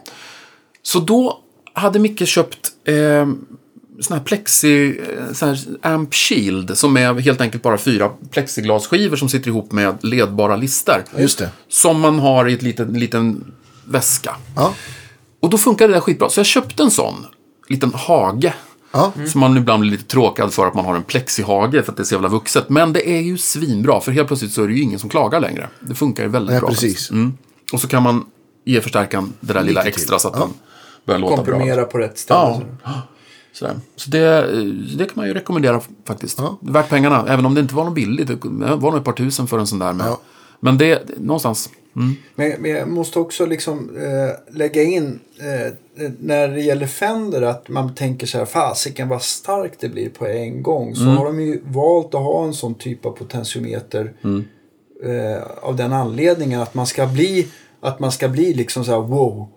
Rygga tillbaka nästan att allting händer i början och sen så liksom när du kommer över eh, liksom den andra halvan av putten så händer det i princip inte någonting. mer, nej. Nej, så att de har ju valt att ha en sån att det både på reverb och på och volymkontrollen att det händer väldigt mycket i början. Precis. Och det kan vara Som en jävligt sales point. svårt att lira in dem istället för att ha en putt som verkligen så här, st- eh, går steglös. Ett bra svep, Ja, ett bättre svep. Men jag tror också att det gäller generellt eh, att vi spelar svagare på scenerna nu än vad man kanske gjorde för 20 år sedan. Det tror jag definitivt. Alltså, för tittar man hur setupen ser ut på gamla LP-plattor, när man oh ja. tittar på så här Allman Brothers, alltså det kan ju inte ha varit helt ljudlöst på de där scenerna med tanke på hur man vet hur de där förstärkarna låter. Exakt. Och med det ljudet, Precis. då måste det ha varit starkt. Alltså vi, vi lirar ju generellt mycket svagare nu. Och Mm. därför så är det skönare med starkare som, som, eh, som beter sig på rätt sätt fast vid lite, lite lägre Exakt. volym, tycker jag. Sen tänker jag också, då, alltså jag tänker att deras PA på den tiden var så mycket sämre. Så Ja. att de orkar väl inte. Nej. Man var tvungen att... Nej, det kanske mest var sången man, man, man matchade upp där genom P. Eller liksom att resten fick klara sig från scenen eller någonting. Ja, Jag tror- jag lyssnar, eh, alltså jag blir nästan förstummad av, eh, av att jag inte blev imponerad av någon sån här gammalt, det var någon sån här gammalt PA, jag ska inte nämna det vid namnet, men det var något som var standard på 70-talet. Alltså det var ju så hög distorsion och började, Ja. det, vet, det låter så obehagligt när man drar på det. Så att ja, det var nog... Om man, om man tänker liksom Richie Blackmore som tyckte att 100 wattarna var för svaga. Och Mm. därför så tog han fram Marshall Major på 200 watt. Och så hade han liksom ett gäng sådana. Den scenvolymen, det är, alltså, jag vill inte ens tänka mig hur det var liksom. Nej, jag tror man skulle, bli, man skulle typ så här bli... Då skulle folk deportera en. Alltså de skulle... Man skulle, eller hur? va? Det skulle inte... Det Nej. finns ju inte Nej. idag. Nej. Men... eh, nej, så att... Nej, men så återigen. Det, det är väl... Men det, är väl det den riggen som står på, på Vinterträdgården? Ja, det gör den. Och, då, och då, kör vi, eh, då kör vi med lådorna uppmickade i ett rum bakom. Ja, och så är det Så vi är rätt ljudlösa på scenen egentligen och plexi framför trummorna och så här. Men det är ju för att det är sittande gäster där. Precis. och Så. Eh, på, med, med, med Körberg, med Tommy på, på Göta Lejon där så, så kör jag en, då har jag, eller då har jag båda i och för sig, mina Hot Rod Deluxe där, en som spär. Och då har jag en sån här plexi framför, för där kör vi vanligt liksom med starkare och så här. Även om den, den går ju inte alls hårt där eller så, men där, och där är det inte heller, det musikaliska materialet är inte heller så att det, att det, att det är sån gitarrfeature på det sättet så att man behöver ha en riktigt sjungig, liksom, stark förstärkare. Så här. Vi pratade om det lite innan, att det är två, du sa att det är två ganska olika gig. Liksom. Ja, Sådär. det är det ju verkligen. Det är det verkligen. Det är musikaliskt, det är det ju. Så bottnar ju Niklas eh, och hela det. Ja, vad ska man säga? Gäng- Alltså det, det, det bottnar ju mycket mer i, i, i pop, popmusik. Och när man spelar med Tommy så är det ju... Det kan ju vara popmusik också i och för sig, men det är, li, det är kanske lite mer så här att det bottnar mer i, i eh, ja, eh, liksom jazz eller orkestralt eller Precis, kammarmusikaliskt alltså på ett och- annat ja. sätt sådär. Där står vi bakom notställ och spelar och där har vi, Mm. där är vi, vi på, ja, nej men det är ju ett annat förhållningssätt liksom. Ja. Men vi vet ju, alltså det är ju bå, båda de där förhållningssätten är ju, måste man ju på något sätt kunna hantera för att man ska kunna leva på det här. Det är ju så, Ja, man måste ju på något sätt kunna göra det. Och det är roligt på olika sätt också. Ja, det är roligt på olika sätt. Verkligen. Det är det. det, är det. Eh, jag är nog i själen en mer liksom, poprock bluesmusiker än vad jag är eh, prog- eller än vad jag är eh, jazz fusion musiker. Ja. För det har jag aldrig riktigt vare sig, jag har aldrig tyckt om det så mycket. Jag har aldrig liksom riktigt blivit någon bra jazzgitarrist. Det har inte intresserat mig särskilt mycket. Liksom. Jag vet inte. Jag har nog, eh, jag har nog som generellt alltid tyckt att, att jag inte... Jag, jag har jag tyckt om saker som är väldigt mycket eller väldigt lite. Jag har tyckt om saker som är väldigt, väldigt vackra eller väldigt hårda eller väldigt eh, funkiga eller så här. Alltså jag har alltid haft ganska svårt för ljumna grejer. Alltså sån här... Nämn någonting, det här är så roligt. Ja, ja, ja, men, ja precis. Nej, men, ja, så därför så... Jag kanske inte är den som spelar... Jag har aldrig tyckt så mycket om sån här eh, amerikansk instrumental... Alltså... Så här, jag tycker inte att det är så skitkul med så här John Scofield. Jag vet att jag säkert får jättemånga fiender. Man säger så, men jag tycker Du, inte... du kastar sten i glashus. Ja, men jag tycker, Nej. jag tycker inte så mycket om sånt där. Och jag tycker Men du, att det vi, är alla... vi, vi, vi är två faktiskt. Ja. Jag, jag, jag, respekt, jag förstår att folk eh, nappar på det. Och jag, jag, jag kan tänka mig att eh, det, är en, det är en kombo av att jag blir uttråkad samtidigt som jag kanske inte heller hänger med vad de alltid gör. Va? Exakt, Så det, kanske är, det, kanske, det kanske är ens egna tillkortakommanden att man inte riktigt knäcker koden sådär. Jag vet inte. Det Men det är väl, smaken är som baken, det är samma sak med mat. Man tycker inte om Ja, allt. Så nej, är det ju bara. Det är ju, Och det är ju det är också ett... eh, Det är rätt kul det här att se att... För man har ändå har blivit så pass eh, gammal eller att man har hållit på, varit med i den här branschen så pass länge så man ser hur, hur saker kommer och går och vilken, vad olika generationer har för har och får för olika ideal. Och jag är ju liksom, jag är verkligen spot on den generationen där man som kille och liksom som ung, hungrig musikant. Då var det ju väldigt, väldigt mycket så här eh, när vi gick på musikgymnasiet i Norrköping och... och, och Larry då, Carlton Då var det väldigt mycket det. Det var väldigt mycket amerikanska västkustgrej. Liksom. ja. Och hela den här slickmusik. Och det gillade inte jag så mycket. Jag tyckte aldrig så mycket om det. Och jag, och jag gör egentligen... Jag, jag försökte spela det då, jag försökte tycka om det. Liksom. Men nu när jag tänker på det i efterhand så...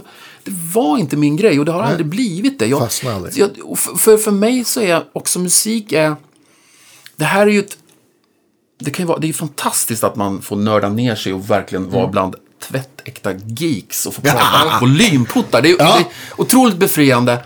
Och sen samtidigt när man musicerar så är alltid, tycker jag, låten är alltid det, är alltid viktigare än spelandet. Liksom. Verkligen.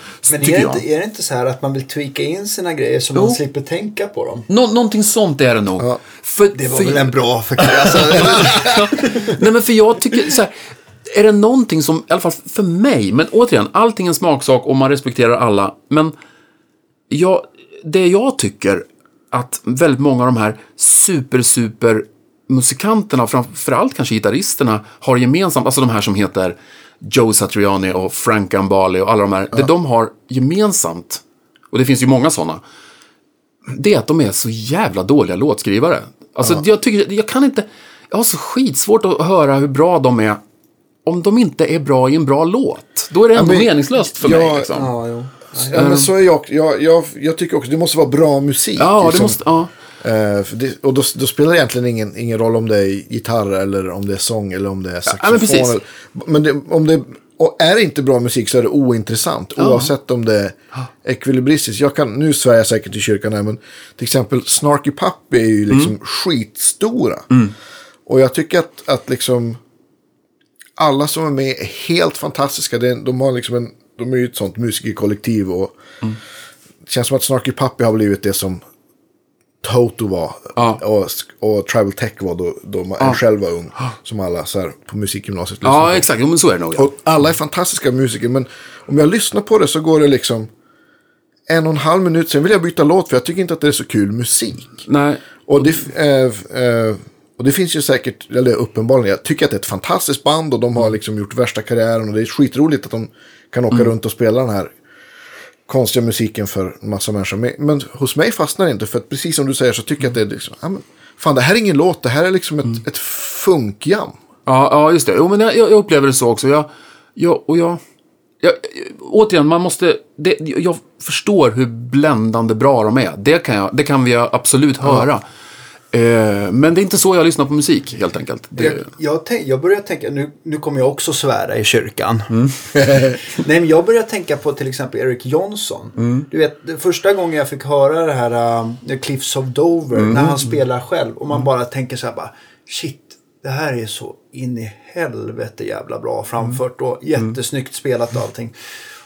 Men sen så liksom resten av plattan när det ska bli instrumenterat, ja, det går inte. Jag, jag fixar det inte alls. Och jag tycker väl ändå att han är väl ändå mer njutbar än många andra. Exakt, det tycker jag med. Han, han har någon slags... Han har någon slags skörhet som är... Som, för han är så lyrisk liksom. Precis.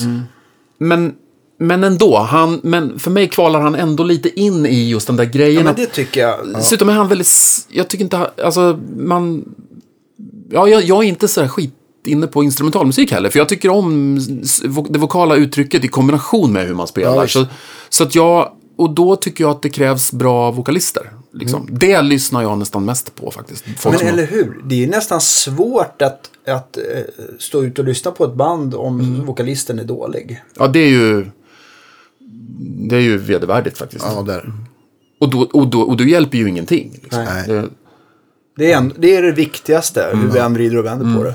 Yngwie Malmsteen har ju börjat sjunga själv till jordens Till allas fasa. glädje. Ja. Nej, vi, vi släpper det bara. Det, Om man, om man, om man vill, vill bli illa till mods så kolla på YouTube bara. Det är hemskt. Ja, okej, okej. Ja. Ja, skitsamma. Det kan ni vara, eh, hålla med om lite tråkigt. Men där, där är det också en sån här supergitarrist där jag faktiskt har njutit av låtskriveriet. Jag tycker de Ja, första plattorna är, det här musik. tidiga Ja. instrumentalmusiken han gjorde tycker jag är helt Alltså, enormt bra. första, första tre Yngwie-plattorna tycker jag är magiska. Han är, och han, det går ju Men han har ju någon slags linje och han har, han har Oh, ju ja. en slags... Jävla och, det, och naturligtvis, det är ju... och- Det kan ju vara helt ljuvligt att bli sådär översköljd av någon som är sådär bländande Ja, bra. eller hur? Det är ju liksom Ja, en ja. häftig upplevelse så. Givetvis, precis som ett fyrverkeri är det, eller ett, ett sådär frenetiskt trumsolo är det så här. Det är ju det är ju något djupt mänskligt i att man liksom blir sådär oerhört bländad. Det är, ju, det är ju en cool upplevelse. Men, men sen med lite, så här, lite bredare pensel, så, för, så i alla fall för mig så är en bra, en bra låt, en bra vibe, är liksom, det är ändå viktigare. Och då tycker jag det är som instrumentalist just hur man liksom hittar in i det. Jag var och kollade på, eh, vi var för förra, eller förra, förra veckan var vi på Hovet och kollade på War on Drugs. Ja, jag kunde inte gå. Som ju är sådär, åh vad jag tycker det är bra. Det är så här, det är grymt. För det är så, där används alla grejerna på så rätt sätt liksom. Hans, det här helt fantastiskt eteriska gitarrljudet som bara, det är så dyrt så att det, man, och sen var jag tvungen att gå hem och titta på YouTube och Ja. det var ju ingen lek hur den där riggen var upplagd. Alltså, Ja, det vilken, finns en, Premier Guitar har gjort en episk rig run i alla Ja, vilken jävla uppfinnar-Jocke alltså. det, var ju, alltså. det var ju fantastiskt. Och det lät verkligen helt fantastiskt. Och då, då tycker jag att då Då var det blir här- jag ännu ledsenare att jag inte kan gå. Ja. Nej, men det var ju en, sån där när man... Fan, så här ska man använda grejer. Det, det var verkligen... Ja. Ja, men en, för att återknyta till det vi pratar om. Eh, återigen, det är ju så, som sagt en smaksak det här med, med vad, man, vad man tycker om. Så. Men Bill Frisell som är en av mina hjältar sa en, en jävligt bra grej. I någon så intervju så sa han, ja men, ja, men då jag var ung så, så, så gjorde jag misstaget att tro att, att allt som var komplext var bra. Så att, och, och, det är nog, och det är väl också ganska naturligt om man är, är ung och vill, och jag var, vill bli bra på sitt instrument. Att, man, att man gör den jämförelsen att, att något som är komplext, tekniskt och kanske harmoniskt också att utföra är lika med bra. För, att det, för att det tar lång tid, eller för att det är svårt liksom. Just det. Och för han, det känns som att han, han, han, är, ju, han är ju verkligen en minimalist liksom. Ja. Idag. Och, och, och det är ändå ninja-gitarr, gitarrspel liksom. Så det är bara... Ja, men han, han tycker jag är, han, är, han står ut verkligen. Han, han är, så, han är ju verkligen en, en fantastisk konstnär tycker jag. Ja. ja men han, han gör ju liksom musik och så råkar han spela gitarr. Ja. Ja, precis. ja. Han är helt suveränt bra verkligen. Han, han är en favorit. Nej, men han är, han är liksom lite av en annan sort, tycker jag. Han är, han är verkligen en konstnär som, som han är så här fri liksom. Och, En, en som jag faktiskt står ut med. Eh, jag tror att det är en skiva som heter Uncertain Terms eller någonting. Det är en gitarrist som heter Greg Howe. Och det är väl ändå så här uh, fusion rock. ja, han är väl Skolan. det är också så här fantastiskt bra gitarrspel. Men ganska, egentligen vad jag borde tycka är fel musik och ganska svårsmält. Men där kan jag, där klarar jag av. Ja, den har jag inte hört.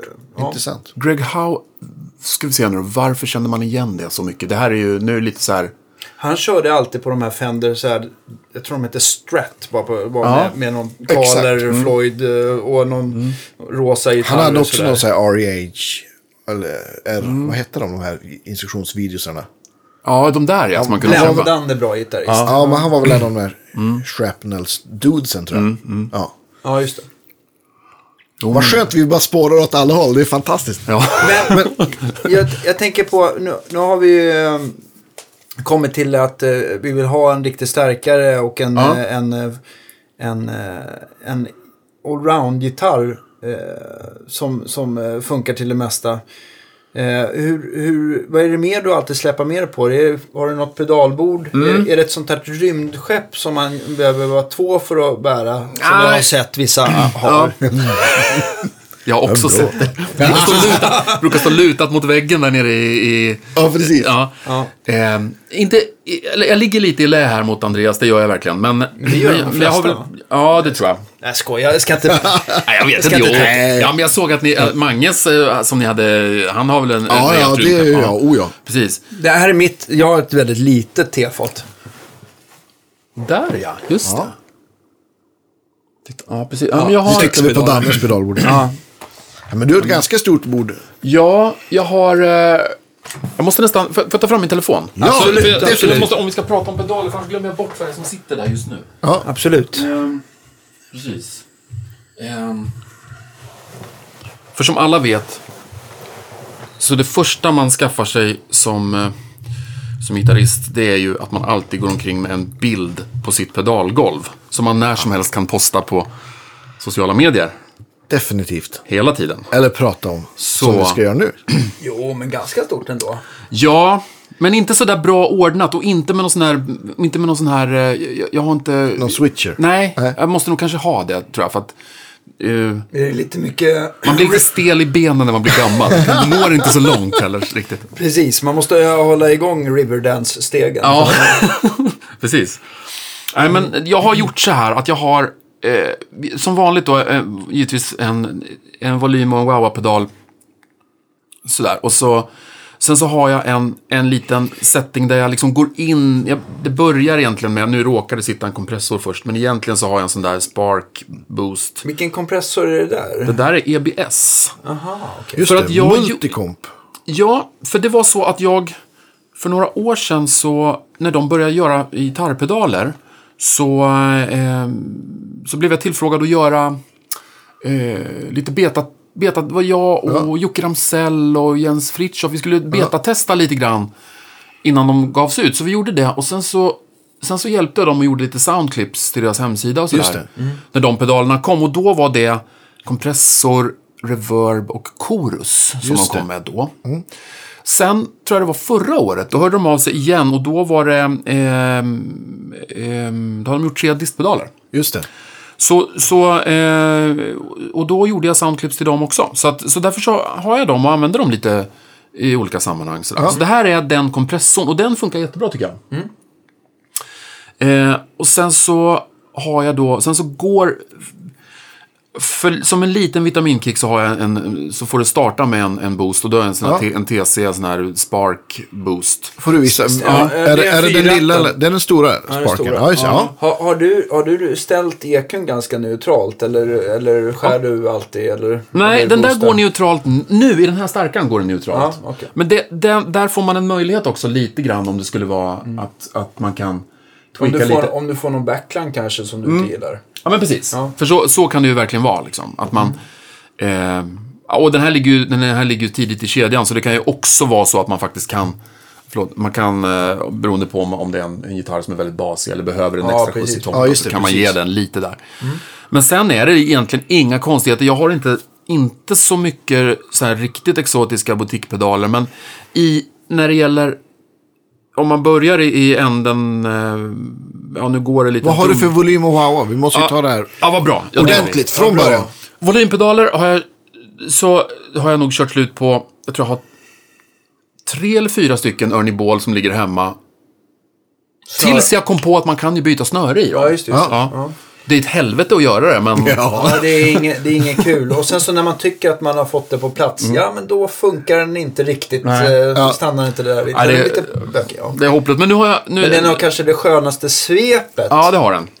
av alla. Så här, det känns väldigt behagligt att trampa på den. När den sista av dem pajade, och det var också på en soundcheck, och då var vi i Stockholm, så då drog jag ner till, till Sebbe och de på Discos to Eleven och så köpte jag, då, då var jag så här arg och så sa jag, nu vill jag ha en, en som inte går sönder. Ja. Ja, men då, ta, ta den, då sa de så här, ta den bästa då. Den som är, och det är en sån eller då köpte jag en Lele, det var i alla fall den bästa de hade Ja, just det. inne. Ja, den som är är- extremt ful, för den ser ut som en sån här Birkenstock, det ser ut som en sån här som läkare har på Ja, fötterna. disk, i, ja. Jag börjar tänka på Ingvar, den här nidbilden på Ingvar Carlsson. ja, faktiskt, ett par glasögon där. Ja, precis. Ja. Nej, men det, det är en sån, och den är jättebra tycker jag. Den funkar Ja. väldigt bra. Och den är aktiv också. den precis, är, ja. mm, så den, och den är pålitlig och den är, ja precis, den funkar väldigt bra. Är det sådär att du vill trampa på den och ha foten på den mycket mer för att den är så ful? Eller? Ja, det är, nog, det, den. det är nog lite så att jag faktiskt står på den lite mer för att, för att, för att hämnas den. Okej, ja. men de, eh, det, är, det är inte all, vi har märkt det förut, det är inte alla eh, som gör bra produkter som också är bra eh, eh, layout. Eh, Nej. nej. Nej, men, det, men å andra sidan, det, det känns ju som ett, ja det är hyfsat ilandsproblem ändå. Oh, ja. Jo, men jag, säga. ibland, ibland jag hävdar bestämt att folk köper eh, effekter ibland på grund av utseendet. För att när man pluggar in dem så förstår man ingenting. Ja, just det. Så så kan det vara. Det, det, jag, jag tror att det är väldigt mycket psykologi i eh, hur... just precis hur, ma, ma, vad ögonen faller på på hyllan, hur, hur, hur pedaler ser ut. Lite som man vet när man sitter bakom datorn och, och mixar någonting. Att om, man, om en kompressorplugg ser ut som en LA2 Ja, ja, visst. så kommer man, det skulle ju lika bra kunna vara ett gränssnitt som bara var siffror också. Visst, Men- eller hur? men och om- sliders typ så Ja. Ja. det skulle det ju kunna vara. Men öronen hör lite vad ögonen ser. oh ja. Så här, va? Ja, både UAD och, och Slate gör ju pluggar som ser fantastiska ut. Det gör en ju glad. Ja, Ja. så är det ju. Varför wowa då?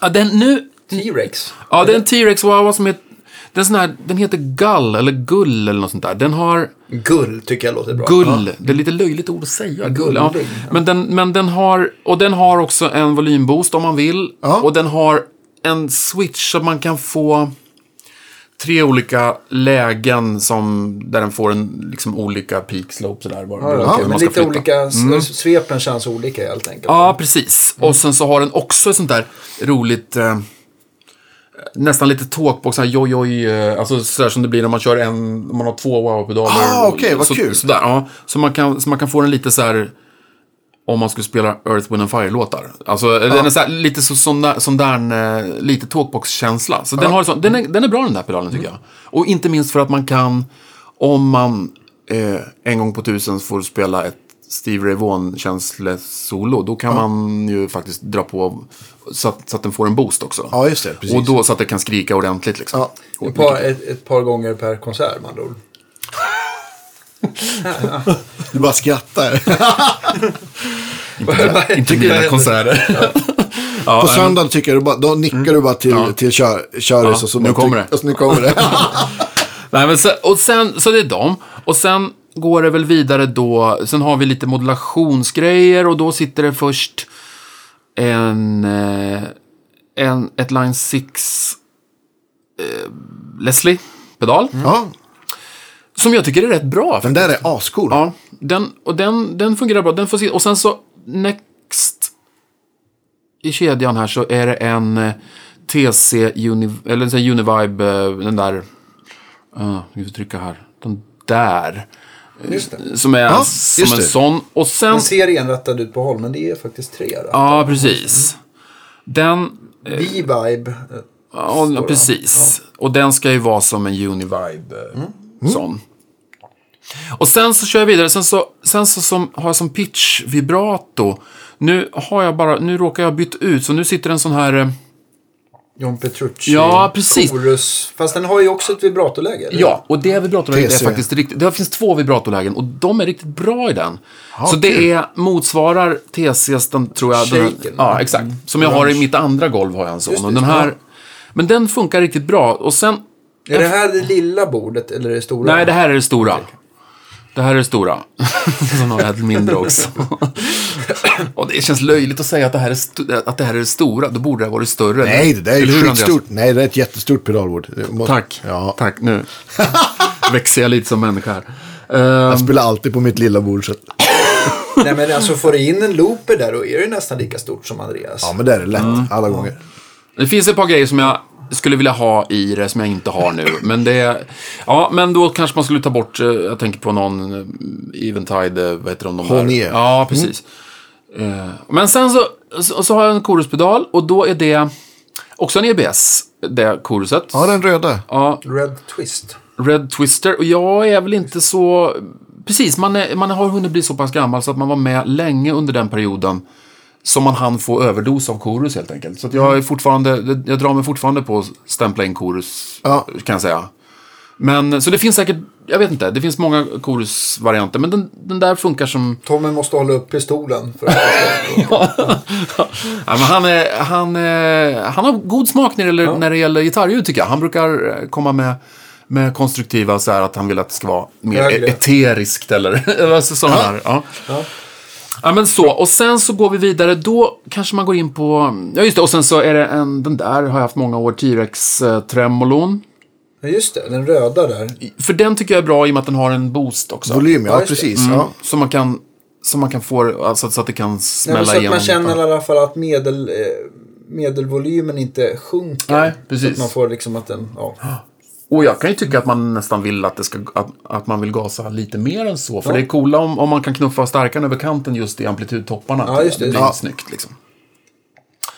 Eh, ja, men sen då bland, om man säger det Men som... har du, jag tänkte på, har du inte overdrive sen innan tremolo-kretsen då?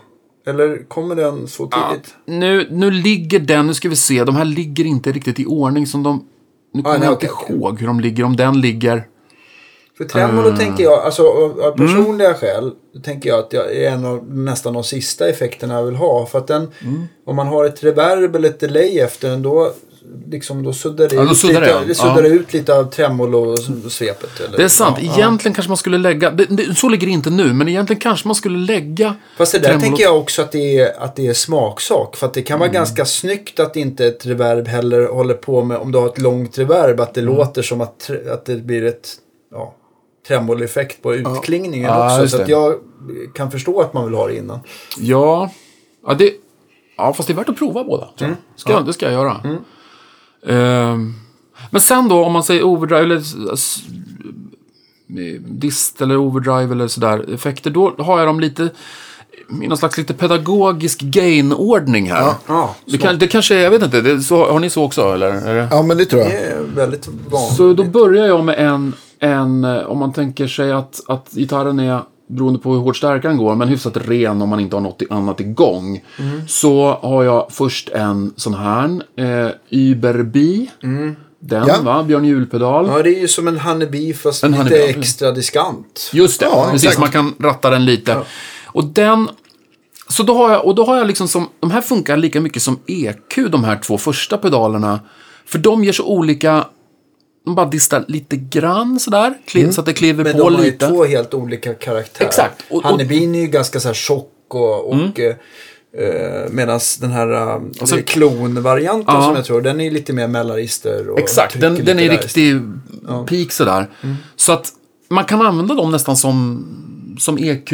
Alltså om man, de, så de har jag, de styr över ungefär lika mycket, men det ger så väldigt olika Ja, eh, midkurva liksom. Men är det så att du gärna använder någon av dem till eh, till exempel Gretsch eller Stratta eller växlar så? Alltså beroende på vilken gitarr du använder. Ja, den, den här eh, Uber B-pedalen, den använder jag nog till alla gitarrer, för den har så mycket briljans i sig. Ja. Den kan man liksom ha, den kan man få en, eh, vilken som helst av gitarrerna och bara bli så här lite skimrig av med liksom. Att den, att, den blir, att den spräcker lite grann. Men sen då nästa, då är det en sån här, ty, vad heter de, Rocket, eh, Vad var det för klon? den guldfärgade Archer, vad heter den? Vad fan? Ja, det, Ja, men det, ja precis. Men det är den, en, jag har för mig också en av de klonkopiorna som har fått bäst. eh, Ja, definitivt. Ja. ja, för den riktiga, vi får man inte tag på den, sen är den skitdyr och sen är den för stor. Liksom. Eller jag, jag skulle gärna ha en sån förstås, men nu har jag inte det. Vi pratade om det om någon podd, för någon podd sen. Det är väl 20 plus i alla Ja, fall. det är det ju. Ja. Det är ju vansinne. Ja, det är det precis. Men jag, men, och det, det finns väl några få som har den. Jag tror Ola Gustafsson har den. Ja, han har det. Ja, det är, det är skitbra. Den här är ju, den är, jag har den ställd lite, det är många som använder den bara som en clean boost. Liksom. Ja.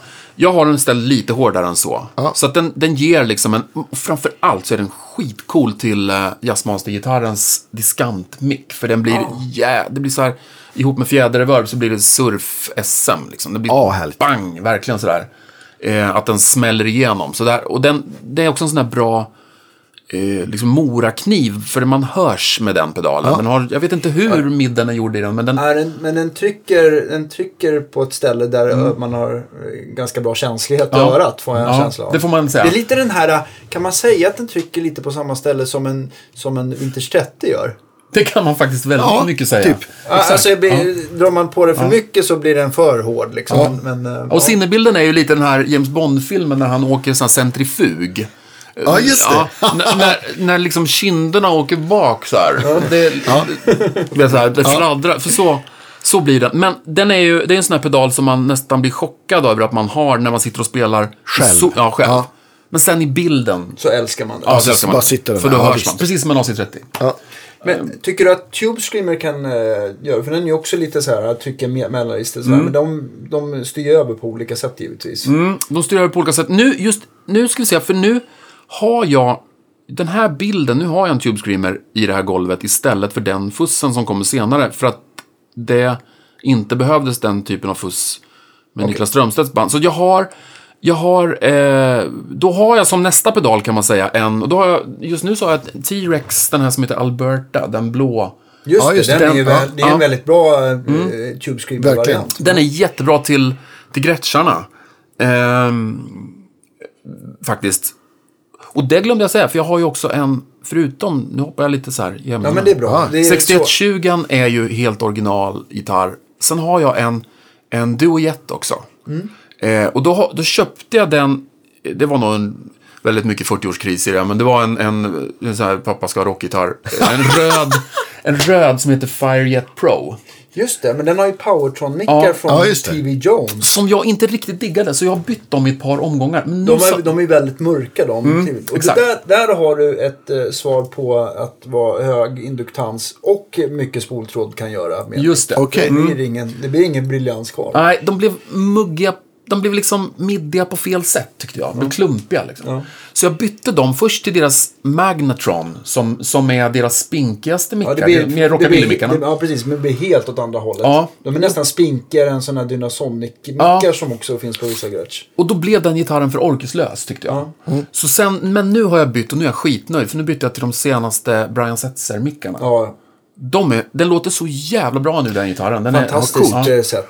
Så den, så den är jag väldigt nöjd med, med den gitarren. Och då, eh, hur hamnade jag på? Jo, den Tube Screamern, precis. Eh, Albertan, den funkar väldigt bra till just eh, till de gitarrerna tycker jag. Den, de, de blir väl, den blir väldigt så här projicerat och man kan liksom, känna, känna att man är, man är liksom tydlig, men det går att kompa med, men det går också att spela jävligt riffigt med det. Så den, Utan att det blir för, för distigt liksom sådär.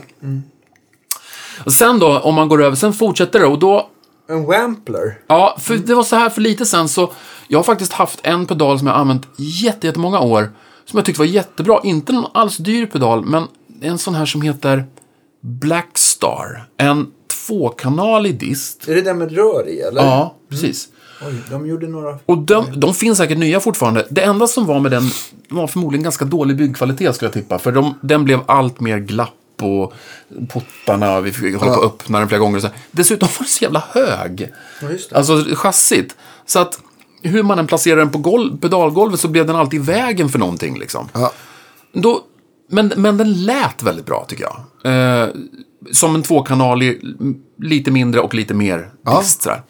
Så då bytte jag ut den mot två pedaler. Så då blev det den här som, som ren sån här tjänstedist. Eh, som man Jag, kan jag, använda. jag ser Man inte börjar, härifrån. man börjar ju tänka på Marshall när man ser engelska Ja, Ja, där. precis. Ja, precis. Sån där dist som är liksom som man använder, liksom en sån här användbar allround Ja. som man kan kompa med, som man kan... Då, då ville jag att den skulle vara så här, för den, den Blackstar-pedalen hade ganska mycket topp i, i, i, i så här skimrig liksom. Man spelar ackord och... Och då, då fick första kanalen ersättas med den här då som heter Wampler Plexi Drive. Ja. Det är skitbra. Ja, och den har funkat bra tycker jag. Och sen så fick den, den andra kanalen på den pedalen ersättas med, ja men den här har väl jättemånga nu, den här Friedman. Ja. ODBE. eller? Ja, och det, så heter den kanske. Det finns ja, ju det visst. jag. Får jag fråga, har du, eh, den har ju en intern trimput för Ja. gainen. Har du ställt den Ja, på minst? ja. Ja. Och det, Det är det första man gör, Ja. eller på att säga. ja precis. Ja, att ja. jag, jag, jag tror att, jag har också tyckt att den var så här, den här, den är svinigt bra den Ja. pedalen till det den gör. Mm. Men man, bara, man funderar på lägsta läget om, om man ens behövde så här mycket dist. Nej. Första gången man såg på Precis. den alltså. För den hade extremt mycket Ja, grejer. verkligen. Eller håller ni...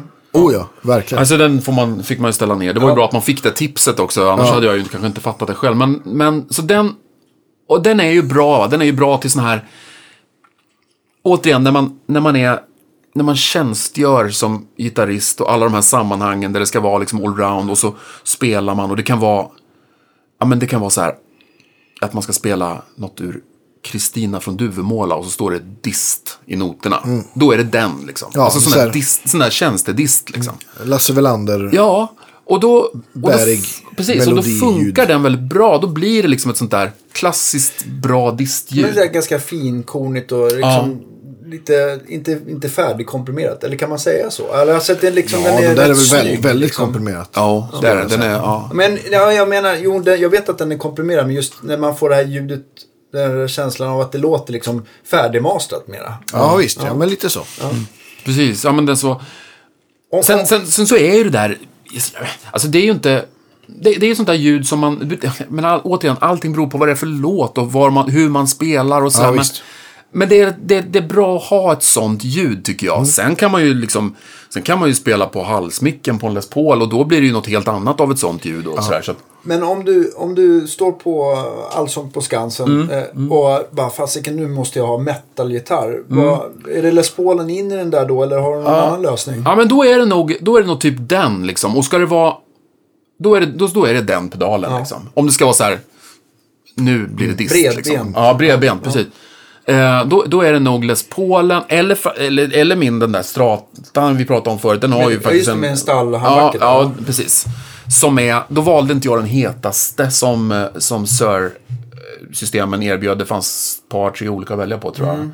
Utan den här är lite mittemellan sådär. Så, men den är fortfarande så pass så att den orkar med att bli single coil när man, när man coil tappar Precis. den. Liksom. Ja, just det. Men sen så är det, det är också rätt, för det är inte så himla lätt att para ihop s- Stratta single coils med en, eh, med en full stor handbacke. Nej. Alltså utan att man kanske skulle vilja tweaka lite på stärken. Men, Precis. men eh, Sör har nog, det funkar nog ganska bra. För deras single coils är inte så här överdrivet brighta som Nej. vissa kan vara. Precis. Eller handbacker är ganska, de är... Så, att, eh, nej, men så, det, så då är det väl, det kanske är den, den gitarren i sig lämpar sig ju ganska bra för, för sånt lir också. Sådär. Den, den Ja. är ju så. Men sen, och sen så i det här nu då så avslutas den här distkedjan av olika karaktärer och distpedaler så har jag en eh, nu ska vi se, vad heter de då? Den heter Muffletta och det är J... Vad heter det? Vad heter de som gör distpedaler? Eh, J... eh, J... JB... Nej, vad fan heter de? Jag ser inte. Ja, det här är en... Det är inte den. Det här är en pedal som man kan ställa presets på och så blir den alla olika Big Muff-pedaler. Jaha, okej. Ja, vad coolt. Får se på den Ja, lite vad fan heter de? Det där känner inte jag till. Ja, det är jag, det står still i skallen. Vad heter de? Det är ett ganska känt sånt där märke. S- Svarta med gula rattar. Ja. Modellen kallas för Muffletta och då, då har den... Eh, då, då gör Men den... heter inte de någonting med cat? Men heter de inte JB eller J-Lab? Nej, J... Fan? Ah. Jag tänkte på de här Wildcat-pedalerna som var svarta Ja. med massa eh, gula rattar. Ja, nej, jag... Ja. jag, jag ehm, Men den där är ganska cool i alla fall, för den, den kan man få bli eh, ah, nästan alltid, inte, inte riktigt så här tokig och sönder, fuss, ringmodulator, inte riktigt så.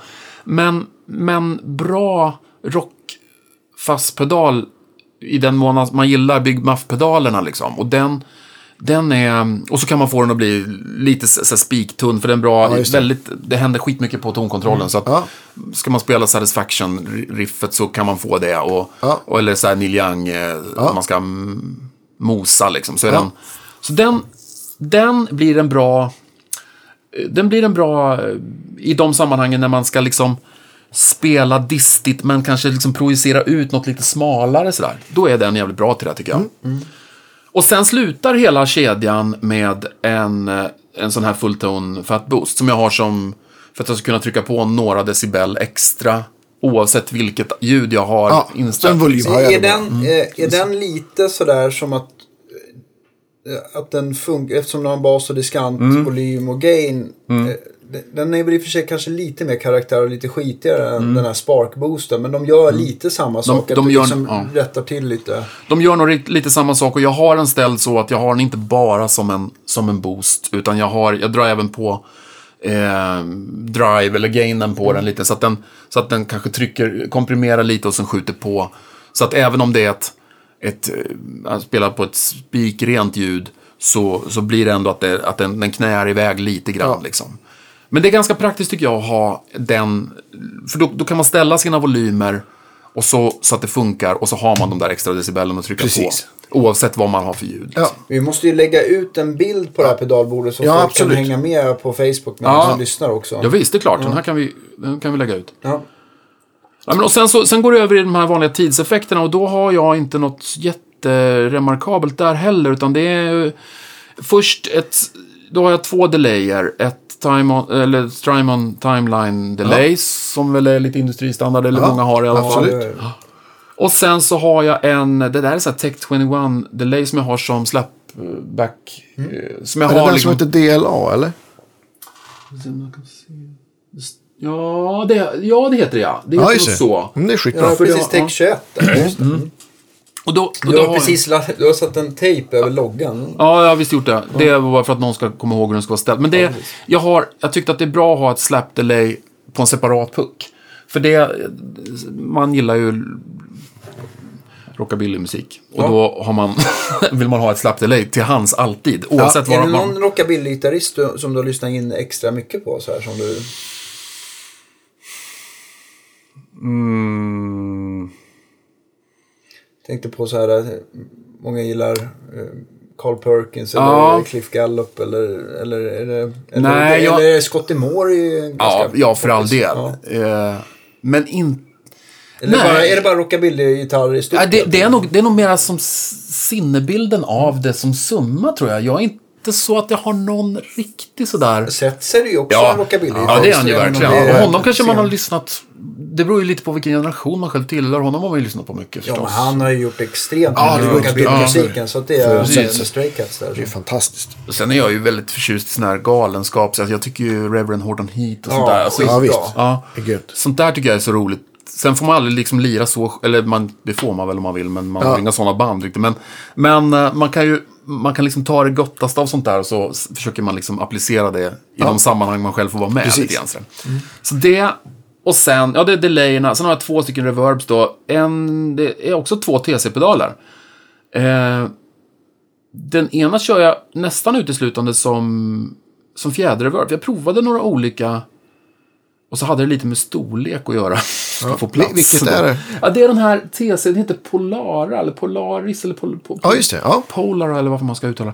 Men den tycker jag funkar väldigt bra som, som fjädertank. Liksom. Är det den med silverfärgade rattar där? Ja, Ja, just det. den, ja, den, jag provade några olika för att jag ville ha ett bra fjäderreverb. det är faktiskt nästan... Eh, eh, nu kommer jag inte ihåg om jag har provat den där. Mm. Men det är väldigt svårt att hitta ett, ett, eh, ett övertygande springläge i reverbpedalen. Jag testade några olika och då, då föll det på den faktiskt. Jag tyckte den funkade bra och eh, jag har nog, i den, mån man har starkare som har så, jag tror jag aldrig ens kör starkaren helt kruttorr utan man har liksom lite, lite på. Lite trivsel. Ja, lite trivsel på ja, trots allt ändå. Sen, sen så köpte jag, för att jag tyckte det var roligt, det här är också ett TC Electronics pedal, det är reverbet som är bredvid här, som heter T2 och det är mer så här skruvade, konstiga. Ja. Det är sån här som ger här evighetsreverb-svansar som kanske plötsligt börjar tweaka i någon filter eller i pitch eller någonting sånt. Ja. Som man kan ha om man ska spela, om man ska liksom... Måla. Om man ska måla, precis med volym, så, då, så, då, så volympedalen får ligga emellan då så att man får trialsen efter. Liksom. Ja. Så, så, så att efter min boost så går, så går det till volympedalen. Och sen går det vidare till tidseffekterna. Så att volympedalen ligger emellan där. Så att man kan liksom göra, man kan swella och greja. Ah, ut, ut, utan att man släcker reverbsvansar. Just det. Eh, så, då, så, så så. Och sen därtill då en vanlig, vanlig TC-stämmare och... Ja, det så mycket Polytune mer. ser det ut som. Ja, Eller? Polytune, ja, Ja. precis. Så det, det är det. Sen har jag ett annat, ett annat golv som är lite mindre och det är lite mer... Eh, där har jag... Där har jag också en av EBS-pedalerna, den som heter Drive Me Crazy, som, är, som får funka som pyttelite dist bara. Ja. Den kan i och för sig dista väldigt mycket om man vill. Och sen har jag, har jag en eh, sån här som heter, en Tommy Folkesson-pedal som heter The Raptor. Raptor. Ja, ja. Som får bli liksom den, det golvets eh, dist-dist. Liksom. Precis, eh, motsvarigheter till, eh, Friedman. Friedman. Ja. För den har väl också så här lite modernare... Ja, men precis. Den är skitbra på den grejen. Ja, sådär. Eh, så det, det är väl liksom sånt... Så, så, så, summan av det här går ju att använda, tycker jag, i många sammanhang. Ja, shit. Det där täcker ju in... Men sen så, så, så kan det ju vara att man... Om det, om det är något sånt där speciellt man ska göra någon gång så får man väl byta ut någonting till det då. Liksom, så. Märker du också att du har lite så här... olika smak olika dagar. Att det blir att ena konserten så bara oj vad mycket blev den här pedalen. Ja. Framförallt driver kan jag tänka Ja. mig att det är så. Och sen så nästa gig så bara fasiken jag har ju exakt samma gitarr och inställning men Ja. jag tycker det är mycket roligare att trampa på den här. Ja. Ett Så det- fenomen. men jag, jag tror fan inte jag klarar mig med en drive-pedal Ja. på mitt bord. Även om jag inte har så här snygga, stora, fina bord som ni har. så måste jag alltid ha med mig minst två. Ja. Ja. det inte Men, annars. jo, men det, för man använder dem ju faktiskt både som drive men också lite som EQ. Alltså för att de ger karaktärer liksom. Ja, visst. Så att, ehm, men sen är det ju, tycker jag, en väldigt stor skillnad på om man spelar med, om man har in-ear monitor eller inte. För har man in-ear, då kommer det låta likadant varje kväll. Men står man och man konserthusturné och inte har in-ear, då spelar är det helt det, olika. det är helt olika. Det beror, alltså, ibland låter det skit, ibland låter det svinbra. Mm. Ibland låter distarna på ett sätt beroende på att stärkaren står i förhållande till ens huvud på ett sätt. Och ibland låter de helt annorlunda. Så att då, då byter man ju mycket mer tycker jag. Har, har du något, har du något, så här, äh, något eh, magiskt trick för att få ett lyckat in-ear-sound? Ja, jag har... eh, Eller det är inget magiskt trick, men jag brukar ha med mig en egen bandmick. För att jag tycker att det blir så mycket mjukare i skallen. Ja. Så jag har inte någon dyr, utan det är en sån här... Som får sound av en sån här TSM Royer-kopia liksom. Är det SC Electronics kanske eller? Nej, det heter TSM tror jag. TC? Ja, just det. Ja. ja. men de, en sån där just det, vanlig, ja. som ser ut som en vanlig Royer, en bandmick. Eh, det var en tekniker, Robban Wellefors, i en studio, vi brukade jobba förut. Och han, han sa att den här micken är bra. Den här är inte dyr, men den låter som en Royer, så köp en sån. Ja. Och då, det som händer när man kör in ner med, med bandmick, det är, man, i och för sig får man be teknikern kanske skruva på några dB upp till liksom. Ja. Men det är i och med att den alltid tar åtta så blir det inte riktigt som att man har stärkaren inne i huvudet. Utan man får, man, den, den får en placering. Nej, precis. Det blir inte det där overkliga Nej. sätta örat i Det blir lite, lite mjukare. Och sen, i den mån, när man har de allra snällaste monitorteknikerna, eh, som Reinsjö, så här, då, då brukar man kunna få dem att, som man gör en sån här studiobreddning, att man fäller direktsignalen åt ena hållet och sen lägger en, ja, så här, 15 millisekunder delayad, samma sak i andra örat. Då helt plötsligt så psh, kliver ju allting ut och blir brett och allting får plats. Liksom. Ja.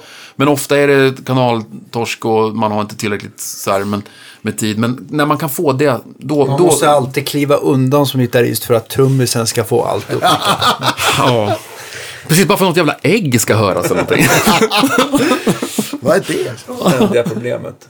Men, men eh, jag tänker också för er som inte hänger med vad en åtta är. Ja, då, just är det. då, är det då är det att micken inte är bara riktad som en SL57 framåt utan att den tar upp lika mycket bakåt helt enkelt. Exakt. Ja.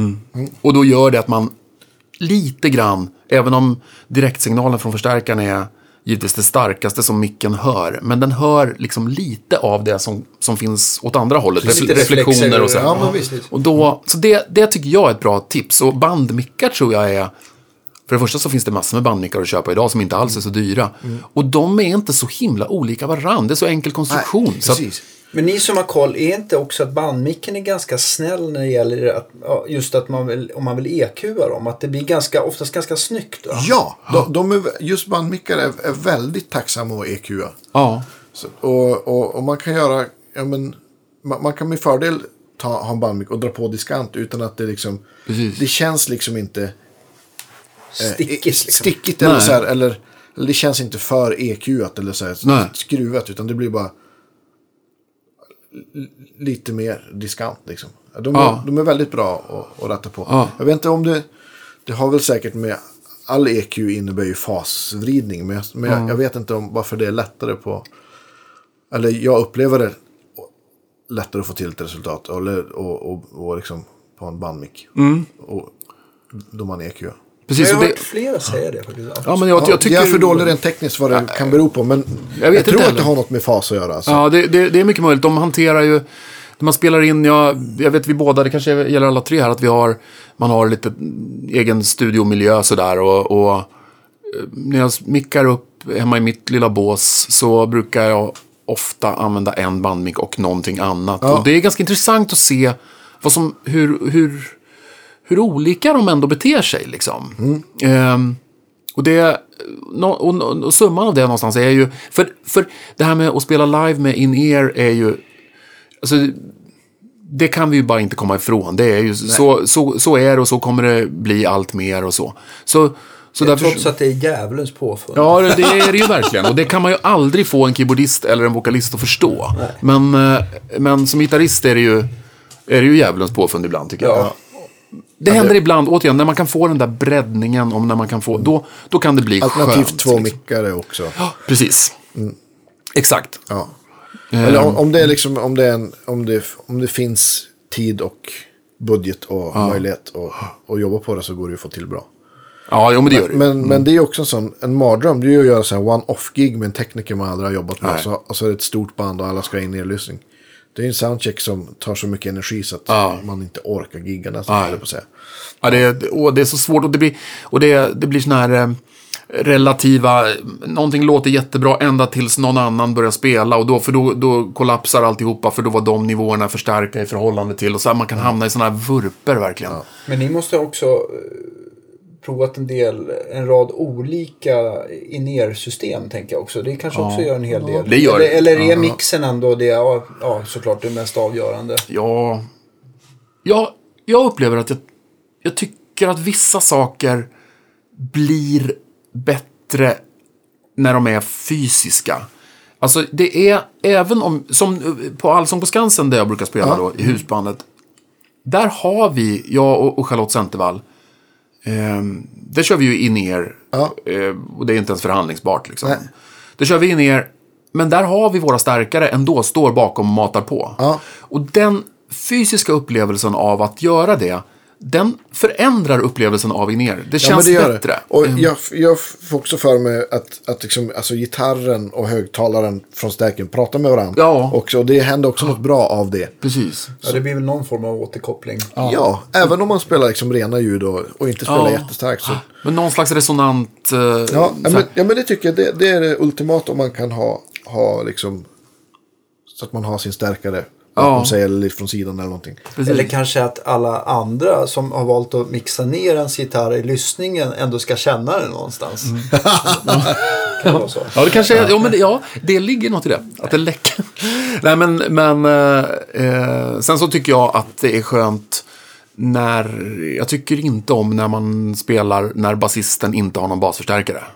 Alltså man är ändå beroende Nej. av de andra. Jag tycker om att, även om man har in-ear, så vill jag ändå att det ska finnas en basförstärkare på scenen som, så att man liksom, eh, så att man alltså, fysiskt känner musiken. Ja, jag tycker det. Även om man inte spelar med in man, även om man har bra wedgar så Ja. är det en basist som bara linar och kör. Ja. lite. Jag tycker också att det, det blir lite, Det är någonting. det är någonting som saknas. Mm. Det blir lite...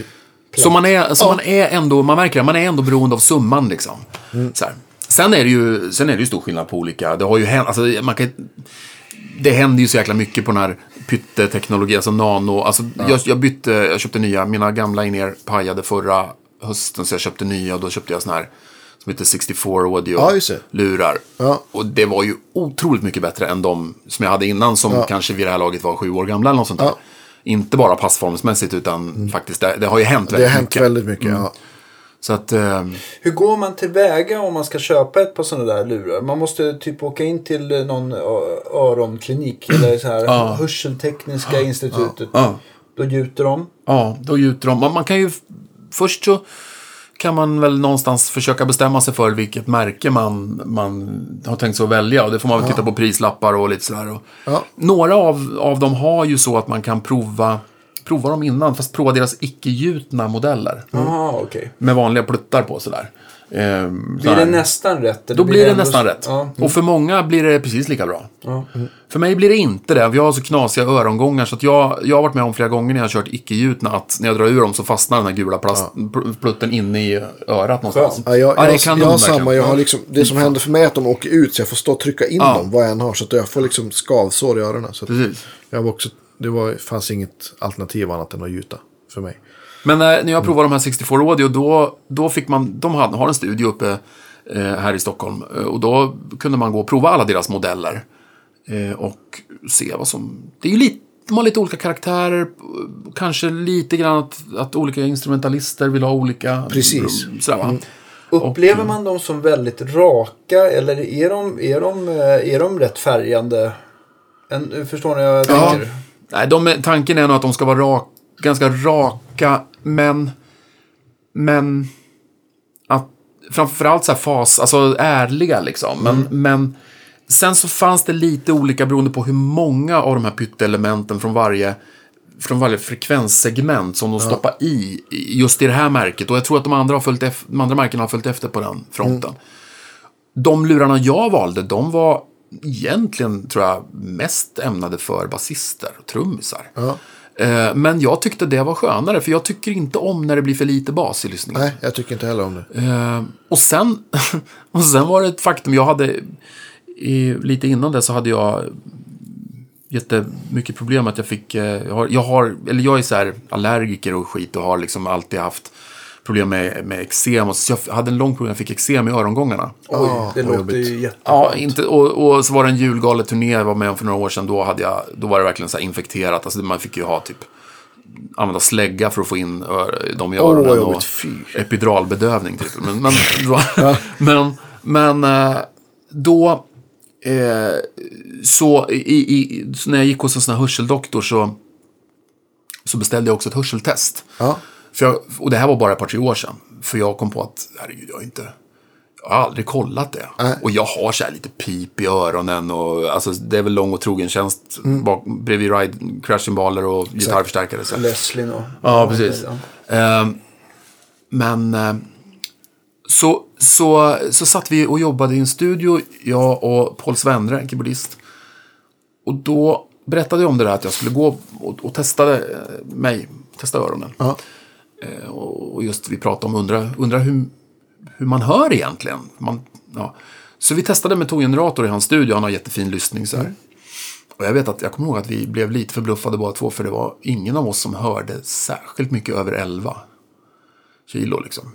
Så det här att en människa ska höra mellan 20 och 20 kilo som det alltid. Det, för sen sa jag det till den här audionomen, den här damen som jag fick testa, och hon skrattade och sa, vad, vad, vad tror du? Tror du att du är fem år eller? alltså, man är, I och med att man är vuxen så börjar det ju tippa liksom. Det gör det. Men det innebär ju inte att man inte kan uppleva diskant i alla fall eftersom det handlar om övertonskoppel och, Exakt. och sånt där. Undertoner framförallt. Underton, ja precis. Så att, så att eh, så ljud, det är, det är en komplicerad sak det där med ljud. Men, men hur som helst, att kö, för mig att köpa de allra finaste in-earen som fanns att tillgå av det här märket, Audio 64. Jag hörde inte skillnaden då. För det, då handlade det om tillägg uppe i diskanten och där var jag inte, visade sig. Jag hörde inte det. Vad heter den modell som du har? De heter A8. Ja. De har väl också eh, någon sån här skiss att det ska vara ett mindre tryck på... Alltså, Ja, det, det stämmer. De har en... De har en någon ny teknologi liksom. Ja, det är som ett litet, eh, en liten ventil med någon slags litet rörsystem så att, så att man inte får övertryck i örat, vilket gör att, Att det, ja, tum- men för att det kan bli vakuum liksom. Precis, man upplever dem inte som jobbiga alls att ha i flera timmar på raken. Det går hur bra som helst. Man märker dem inte liksom. Får jag fråga, hur löste du det här problemet med att det blev infektion i hörselgången? Ja, men det var bara, det var vanliga. Alltså jag fick eh, ta, eh, pensla in erna med Alzolsprit, Alzollösning och såna här kortisondroppar på med tops. Får du göra så Ja, fortfarande? jag gör det. För det kommer, jag känner det börjar klia ibland så får man köra med det. Jag kan hålla det stången liksom. Men det, det, är ju, det är ju fasansfullt faktiskt. Jag tänkte så här att den här gjutningen, att, att det är, nu vet jag inte vad de an, om det är liksom silikoner eller latex eller vad de använder. Men jag tänkte att det är någonting som gör att man, att man, är, man bara kan byta till ett annat Ja, material ja. material. Men det kanske Kan. inte är så enkelt. nej, Jag de är ju inbyggda liksom i... ja. I, den, I det plastmaterialet vad det nu är. Men jag tror att det är som eh, eksem, som gammalt eksembarn. Så, Så det kanske är just att det inte luftas. Nej, det är kontakten, Ah, det är kontakten som är... Ja, just det. Så till mig har ju, har ju doktorerna sagt att du är ju en sån där som aldrig får stoppa in någonting i dina öron. Nej, Man bara, nej, nej, det... jag är tre gånger i veckan. Tack för det, liksom. Vad ska jag, jag har inget att välja på, det är bara som det är. Så att ibland så blommar det där upp och då, det är bara det är bara att kämpa på. Man Men, står ju inte Kan du med känna, här, man står inte med sådana här stora hörlurar heller, så utanpåliggande. nej, fast det är nästan så att det vore lite tufft. Ja, men om man sitter i ett orkesterdike så. Ja, då kan man göra Det gör ju Snarky Puppy som jag pratade om, de gör ju det. De, om man tittar, de är jättebra på att göra videos. Där står ju alla med så här färgglada Ja, röda hörlurar. Eller något Ja, ja, precis. Precis, och så får man byta ut sin, eh, sin, sin gitarr mot en DJ. Paul, Paul Gilbert kör ju liksom kåpor med, med eh, som, som lyssning. För han har, liksom, jag tror han har fått någon som, ja han spelade väl ganska starkt, Ja. ganska mycket och ofta och länge. Så att han måste liksom spela med kåpor. Så att han har liksom, Ja. så inte det är hans grej. Johnson likadan? Nej. Jag vet inte. vet. Men Paul Gilbert, är bara att ta upp valfri bild så han, han har liksom Ja, men det är ju... liksom, med, med, med lyssning i liksom. Ja. Nej, men så, så, får det ju bli för en del. Jag, vet, jag, jag har en jättegod vän, Magnus, en, en, trumslagare, vän till mig, han som vi pratade om förut, Magnus Ja, Fritz. Ja. Han har ju haft eh, problem med, med att, att han får, att det liksom chokar i, i öronen. Så att han, han har fått, nu är det bättre igen, men han har fått köra med, han har in-ear innerst och sen riktiga motorsågskåpor utanpå det. För att kunna köra så svagt, så att, svagt. så Ja, att inte Nej. trumhinnorna... Ja. Nej, precis. Och Men det- För det, det är ju en grej också. Om det, om det är om det är, är mindre scener och ganska stark volym så, så måste man ändå spela ganska starkt Mm. i, vrida upp packet liksom. För att man, annars har man mycket trummor och liksom Ja. sånt akustiskt. Ja. Och sen är det väl lite individuellt. Jag är ju... Alltså jag tycker ju om när det, Jag tycker om jättestarkt ljud. Jag älskar att liksom... När, alltså jag älskar att bli så här översköljd av starkt ljud. Ja. Jag tycker det, det ger mig en kick. Jag, Det är samma här. Jag får- I love it. jag kan få spader på... Jag vet, nu får man väl hela Länsstyrelsen efter, också, efter sig också, men... När man går på stadsfestivaler och står och lyssnar på ett band och det alltid är för svagt. Jag tänker på Grönan. Ja. Är det inte så där? Alltså att det är liksom lite så här att det ska vara anpassat för en viss ålders... Alltså att det ändå är barn i publiken. Och som bara... Så blir det inget tryck. Riktigt. Nu är de i och för sig jävligt skickliga på teknikerna numera och kom, Komprimera. kom, Ja, limiterar det precis, Precis. vid den gränsen som de får hålla och så. Ja. Eh, Nej, jag tycker också att det är Mm. tråkigt. ja, liksom, för jag, jag tycker om det där, du vet, det där när man verkligen spelar och det är så starkt och nästan men gör ont. Jag tycker om det, det är skönt. Jag har alltid gillat det. Ja, så att jag tror att jag förmodligen vrider på mitt beltpack lite för mycket. Mm, Det vet jag att är- jag gör. ja. Men Men, det, men känner ni så här efter, efter en konsert, även om ni har haft in-er, att det, att det ringer lite så här som det kan göra utan? Inte, har haft inte det lika starkt så. mycket. nej, in, inte lika mycket. Nej. Det, det Okej, blir- men det, det, okej. Det, känns, det, som, det blir ju liksom en mer kontrollerad, städad ljudbild. Mm. Det blir ju mer som att lyssna på en platta än till exempel eh, symboler och virvel kan jag, tycker jag är det som Mm. är, är alltså, jobbigast då Ja. det är starkt. Någon som bara matas sjukt hårda rimshots. Mm. Eller alltså, kraschar på en ride. Det kan ju bli så fruktansvärt Ja. starkt att det liksom så här distar i öronen av den där riden. Ja, liksom. visst. Ja, men, och det, det kan man ju få ner Det får med- man ju ner i, om man liksom, för då är det ju liksom, ja, limiterat. Alltså det blir, så att, men jag, jag, jag är mycket piggare i öronen. Ja, Även om man spelar fem dagar i veckan. Med. ja, precis. Hur, hur, Ingen, eh, liksom. Jag tänkte också säga så här. Du sitter på Allsång på Skansen och nu gör du de här jobben. Hur, Mm. hur har resten av året varit? För du gör väl extremt mycket tv? Ja, det... Ja, Så ska det låta har du spelat in Så ska det låta har jag spelat in eh, under hösten. Det har nog bara slumpat sig i mitt fall att det har blivit sådär. Men jag har, jo, jag har, gjort, jag har gjort mycket tv, för jag har gjort Allsång på Skansen. Var jag ju med även i det förra bandet som var. Under den kapellmästaren som heter Kristoffer Nergård som var då. Och sen när det byttes programledare och man gjorde om i organisationen och så nu är det Stefan Brunsell som håller i det bandet. Men då, då slumpades det liksom att jag fick vara med i det bandet också. Så att jag, jo, jag, jag, jag har gjort det och jag, det har varit olika sådana här idrottsgalor och olika... Så det har, det har blivit ganska mycket faktiskt tv. Jag, vet, jag började egentligen min karriär så det var också bara, alltså allt i livet är ju bara slump känns det som när man börjar summera. Men efter musikgymnasiet i Norrköping så var det så att då fick jag jobb i, i eh, det gamla klassiska tv-programmet eh, eh, Ca- Café Norrköping. Just det. Som, som var, det var ju, på den tiden var det motsvarande God kväll. Och det gick ju sådana kaféprogram som gick säsongsvis från olika städer i Sverige. Och det, där var jag med i husbandet under ganska under många år faktiskt. Eh, och det var ju världens bästa skola. Det var ju, då, fick man ju, då fick man ju inte veta vad man skulle spela förrän morgonen samma dag. Liksom. Och så, ja men det var, det var skithäftigt att få vara. Så att just den här tv-grejen, jag, vet, jag har ingen aning om varför det har blivit så. Och var, jag hade nog aldrig riktigt tänkt att jag skulle bli en sån här liksom tjänsteman i musikens tjänst. Eller så här, det, Utan det har liksom bara blivit att jag har jobbat så. För egentligen har nog ambitionen alltid varit att att vara mer en bandkille, som sp att spela sin egen pryl i ett eget band. Men, men det har liksom aldrig blivit riktigt.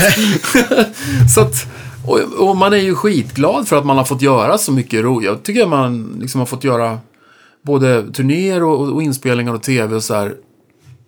Och, och framförallt att man fått hålla på så länge. Jag trodde nog inte när jag var 20 att jag skulle, jag fyller 50 nästa år. Liksom. Ja. Jag trodde inte att jag skulle hålla på så länge. Men det, det, går, en, det går ett halvår till och sen så, sådär. Men, eh, nej, men året som har varit, ja, ja, vi har, ja, jag turnerade i våras med det var också med Tommy Körberg och Peter Dalle, en turné de gjorde. Okay. Och sen så, så har vi... Ja, så spelade vi Allsång på Skansen i somras och sen så har det då varit lite olika. Men sen är det ju sen är det också liksom ett mischmasch av just så här företagsjobb och lite inspelningar hemifrån, lite prodd. Jag... Får du mycket så här, lägga git- alltså, att du lägger gitarr på olika produktioner och sånt där som du gör gärna hemifrån då eller? Ja, det gör jag. Jag gjorde det mer förut faktiskt. För då spel, förr spelade jag mer åt de som då höll på med alla såna melloartister och sådär. Okay. Så, det, så att jag har genom åren har spelat på mycket sådana grejer sådär. Alltifrån liksom alla de här typiska melloartisterna, Carola och Shirley Clamp och Sanna Nilsson, alla de där. Liksom väldigt mycket. Eh, senare år har jag inte gjort det så mycket. Däremot så har jag... Eh, man har liksom spelat åt andra grejer. Och, och kanske mer, lite mer att jag har gjort vissa proddar och jag har mixat grejer och sådär. Kommer det någon? Ja, det kanske kommer ett, kommer något kul bud här till Danne. Ja, jag ska bara glida. Jag kommer alldeles strax. Ja. ja. Ska vi fortsätta prata? Ja, absolut. Nej men... Så... Så vad som ger vad, jag vet inte. Det, det, det, det är väl samma för dig. Man, man, ja. Ibland hamnar man i skov när man verkar hamna högt upp i folks telefonböcker. Precis. För att man gör sig påminn, för att man finns där lite hela ja. tiden i ögonvrån. Och sen, men sen så kommer det perioder när man har jobbat skitmycket och då har man å andra sidan fått tacka nej till saker. Exakt. Du vet. Ja, men, ja, men jag hade en lite sån period mm. här i, ja, men i somras och tidig höst. Där det var så mycket saker som man, artister och produktioner som man har kanske gjort ett mm. tag. Mm. Och så helt plötsligt så jobbar ingenting av det man har gjort till stor del i fem år. Precis. Då, det är klart att, att det man har tackat nej till, det är ju andra människor som, som ja. gör de grejerna. Ja, då är det andra som gör det. Och då, för då har folk tänkt att ja, men han är alltid upptagen med det där och det där. Så, Exakt. Sådär. Ja, det är också en klassiker. Så det kommer den här liksom fördröjningen som... Mm. Det vet man flera stycken kompisar just som har spelat som verkligen har varit ute på sådana här världsturnéer med ja. någonting och spelat länge med samma sak. Precis, vi hade Jonas Isaksson här. Ja. Det har inte sänts än, men, Nej, det, var, ja. det var också... Ja, men han berättade, ja men du vet, då Marie blev sjuk och Roxette mm. tog slut. Så alla trodde ju fortfarande att ja, men efter han har gjort ja. det här i 16 år, han är ju alltid på världsturné. Ja.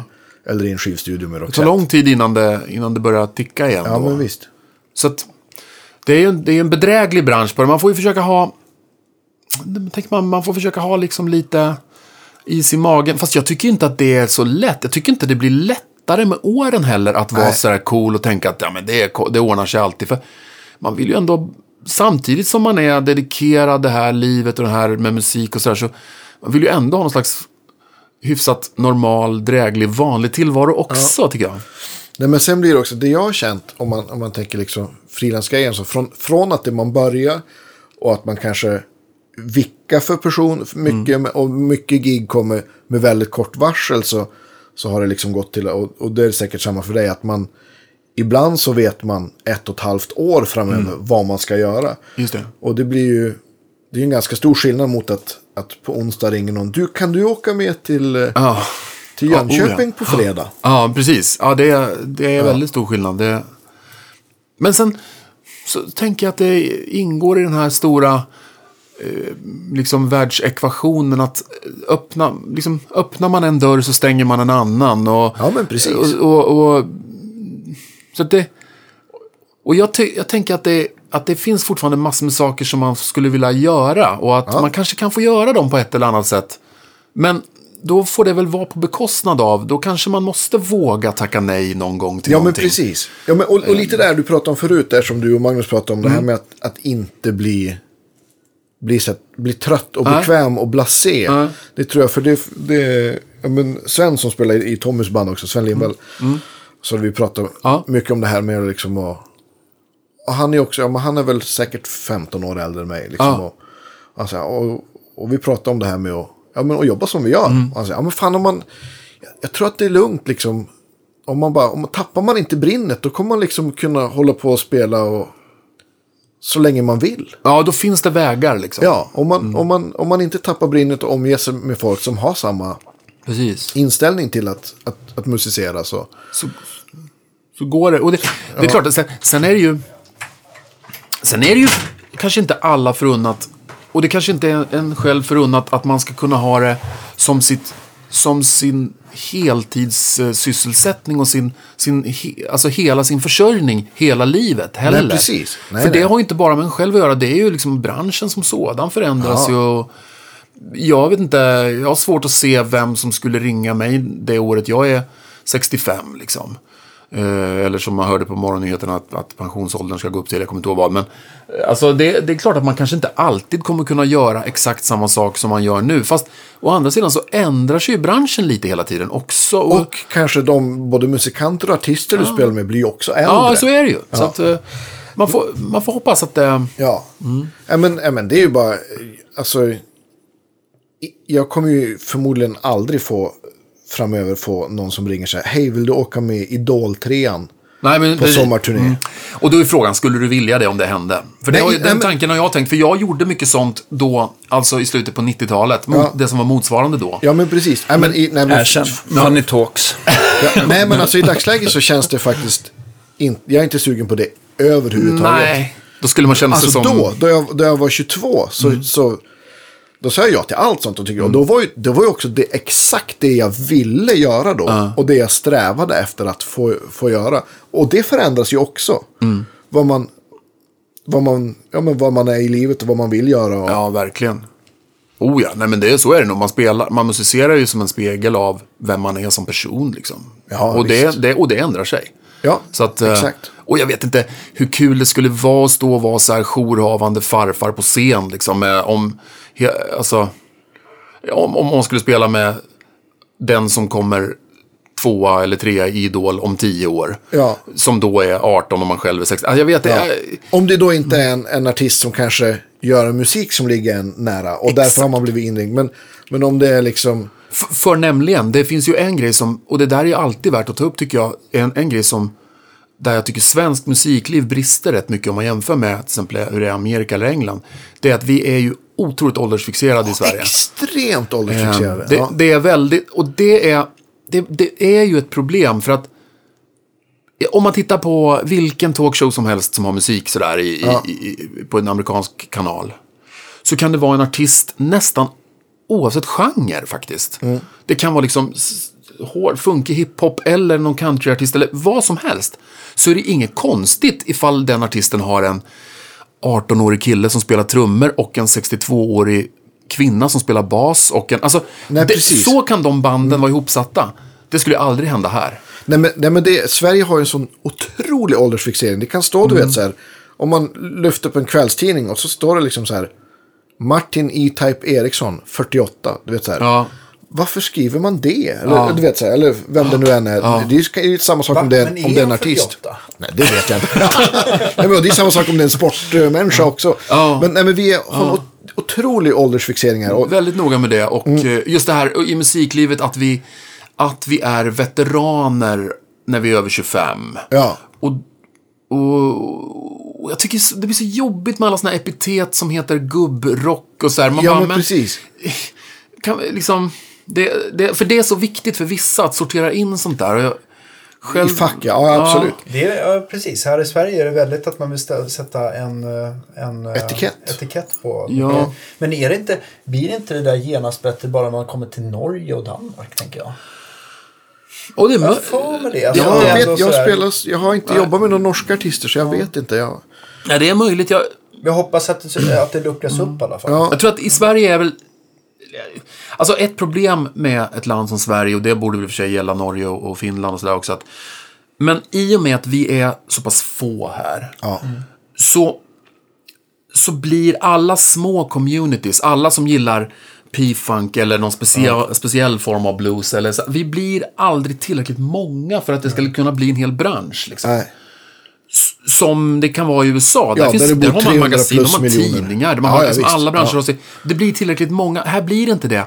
Utan här växer istället här blir det som mainstream. Här, här har vi istället Mello och Idol och sådär. Alltså, eller de här, de här stora tv-formaten blir så oöverstigligt stora så att Ja, de- ingenting annat kan ta sig De igenom. släcker ut så enormt mycket Ja. av det mediala fokuset. Så att det, det är nästan inget annat som... Ja, men jag, Precis. Och de i sig är ju väldigt åldersfixerade. Så att, eh, och, då- och då blir, väldigt ja. så. Ja. Så att, ja, men Svenska Idol har väl till, det är väl till och med åldersgräns. Du får inte vara över Ja, 30. ja, det är möjligt. Det är möjligt. Och kollar man på amerikanska Idol, då är det ju så här, ja men då är de från mellan 18 och 42. Det spelar liksom Det är ingen lite- roll. Men det är lite den där känslan redan för, från, från juryn. Hur de har liksom, Mm. att man nästan hör dem säga också så här bara, men bara, jag kan inte se dig som idol. Och, och underförstått så är det någonting med åldern då givetvis. I, Eller Ja, men- utseende. ja, i många Ja. fall tycker jag. Men, Väldigt mycket ja. så. Nej, men det, och jag tänker, det är väldigt ofta man det är väldigt ofta man hör folk så här, folk som inte musicerar själva utan som kanske jobbar på skivbolag eller förlag eller sådär.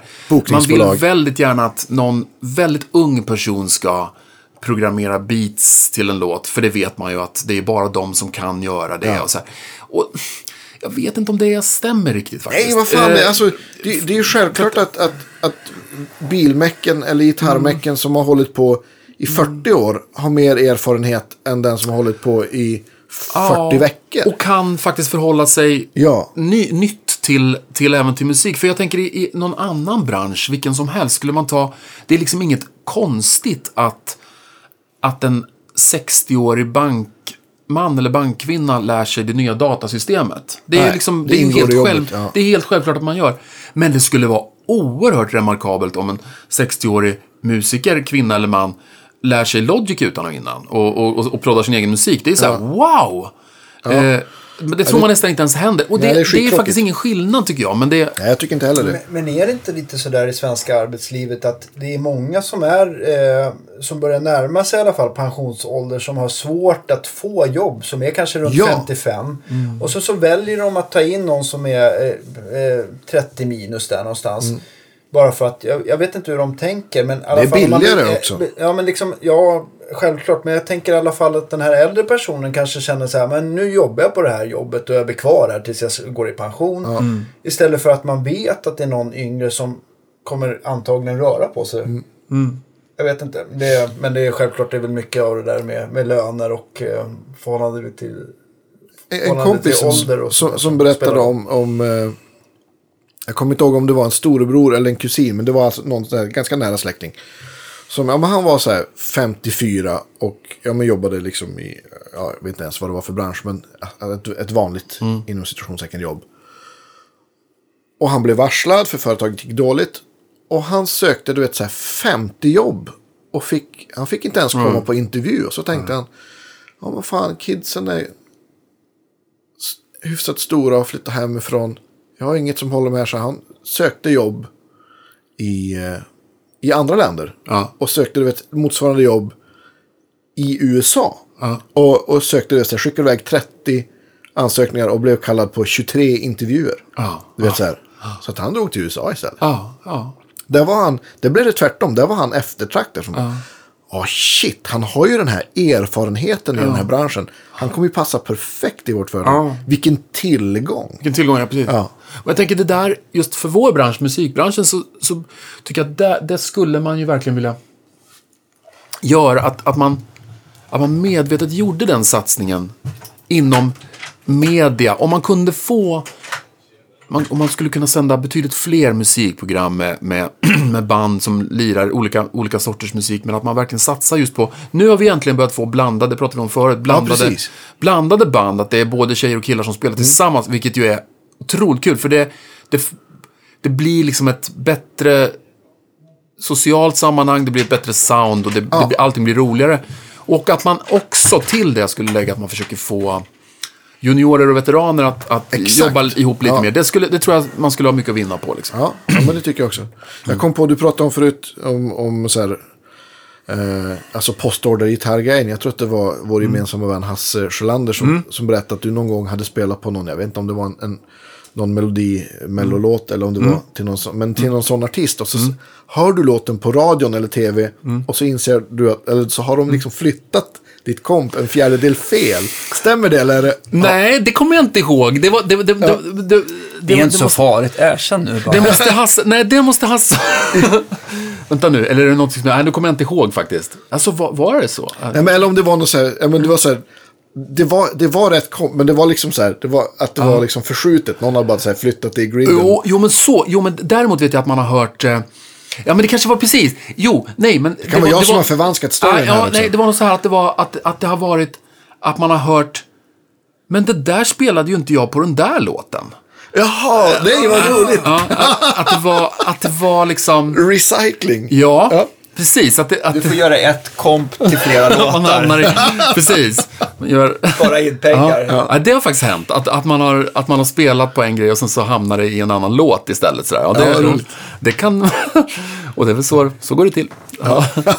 Hörru ni, eh, eftersom vi har dragit över och jag har öppnat butiken. Det är Ja. därför jag eh, kutar lite fram och tillbaka. Men jag tycker den här, den här intervjun har varit så otroligt intressant. Så jag hoppas att vi får eh, ha ett återseende väldigt Ja, det snart. måste Så vi kan fortsätta med del två. Precis, Ja, vi men så vi- mycket som inte hade med gitarrer och, och sånt där att göra. Ja. Ja, men det är, vikt, det är också viktigt Ja. att eh, ventilera sånt. Och jag tänker också, eh, vi har ju egentligen inte eh, känt det på pulsen hur du en gång började spela och eh, Nej, karriär och och vad du har massa gjort roliga egna projekt Ja. som det finns skivor av. Men vi bestämmer helt enkelt att vi gör ett återbesök. Ja, Ja, vad kul. tar vi, det, tar vi det här i januari helt enkelt Ja. som en, som Ja, en precis. smällkaramell efter nyår. Ja. Låter som en dröm. Ja. Så, eh, sista fråga.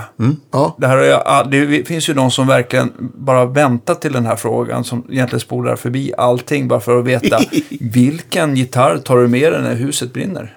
Min Fender Strata 63 som står här bakom mig. Jag tog med den även fast inte huset brann. ja. Faktiskt. Eh, Men Det är faktiskt en Den heter- i, förebyggande syfte, Det- det- det skulle kunna. Det är en Fender, en Fender Strata, jag köpte den 92, eh, tror jag det var, eller 91, 92. En, en original 63. Och jag sålde min bil. Alla, alla tyckte jag var en idiot, för jag sålde min bil för jag blev så kär i den här gitarren. Jag köpte den, i, jag bodde i Norrköping då. Eh, hittade den hos Rickard Magnevill, hette han som jobbade... Vintage Guitars. Vintage Guitars, ja. Vad sa du, 90? Jag tror det var 92. Jag tror att det är den svängen. Jag jobbade åt Rickard Ja. någonstans runt 90, alltså inte 92, inte så tidigt, 2002. Ja. Sorry. Ja. Och så, och så var det så roligt, jag bestämde mig för en... Jag har nämligen en gammal kamrat nere i Norrköping, eh, Hasse, en kille som har en, en en 61, en Strata. Ja. Som är den bästa gitarr jag har känt på. Eller så här, den fantastisk gitarr. Och så, jag vill också ha en sån här gammal cool. Så hittade jag den här när jag var i Stockholm och så, efter mycket malande så beslöt jag mig för att köpa den. Och sen så var jag tvungen att få fram pengar så jag sålde. Jag hade dubbeljobbat och hade köpt en, jag kommer ihåg att den hette Ford Scorpio. Med V6 och fönsterhissar. Hade en, och, men jag sålde den för att få råd. Och sen var min stora syster Ann-Sofie, hon är, hon är inte i musikvärlden, hon är med affärskvinna och jobbar, hon är inom försäkringsbranschen. Hon skulle på något möte i Stockholm, så hon fick med sig pengar och så skulle hon hämta gitarren. Och hon eh, har liksom, hade då aldrig varit i den där typen av affärer som Vintage Guitars var.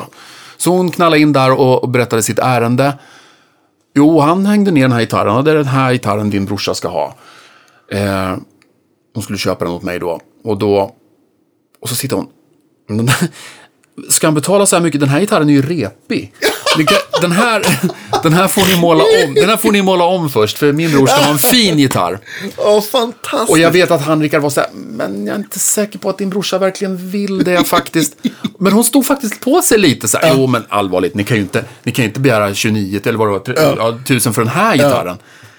Så jag vet att han tycker om blå. Ni kan måla den, ni skulle kunna måla den blå. Men vänta, vi tar ett snack med din brorsa först här nu. Ja. Och sen, sen så blev det ju så att hon tog med sig den som den var, vilket var tur. Men, eh, men den har varit min kärlek sen dess. Det är den gitarren som jag förknippar dig med också. Jag döpte, jag döpte den till Ayrton, efter min stora idol Ayrton Senna, racerföraren som ah, körde ihjäl sig. ja, Jag tror ja. han körde ihjäl sig 93 eller 94 eller något sånt där. Men eh, han, den fick, eh, för, för jag hade någon idé om att gitarrer skulle vara som båtar, att man skulle döpa dem till namn. Ja. Sådär. Den fick heta Ayrton, bara för att det är så konstigt namn att säga också. ja. Bra historia i alla fall. Ja, mycket bra. Tack för idag. Vi ses Tack. och fortsätter eh, efter jul. Ja. Och nyår. Ja, det vad roligt. Ja, Minst lika bra program. Vad kul, tack ska ni ha för att jag fick komma. Ja, Mycket på återseende. Tack, hej! Hej då.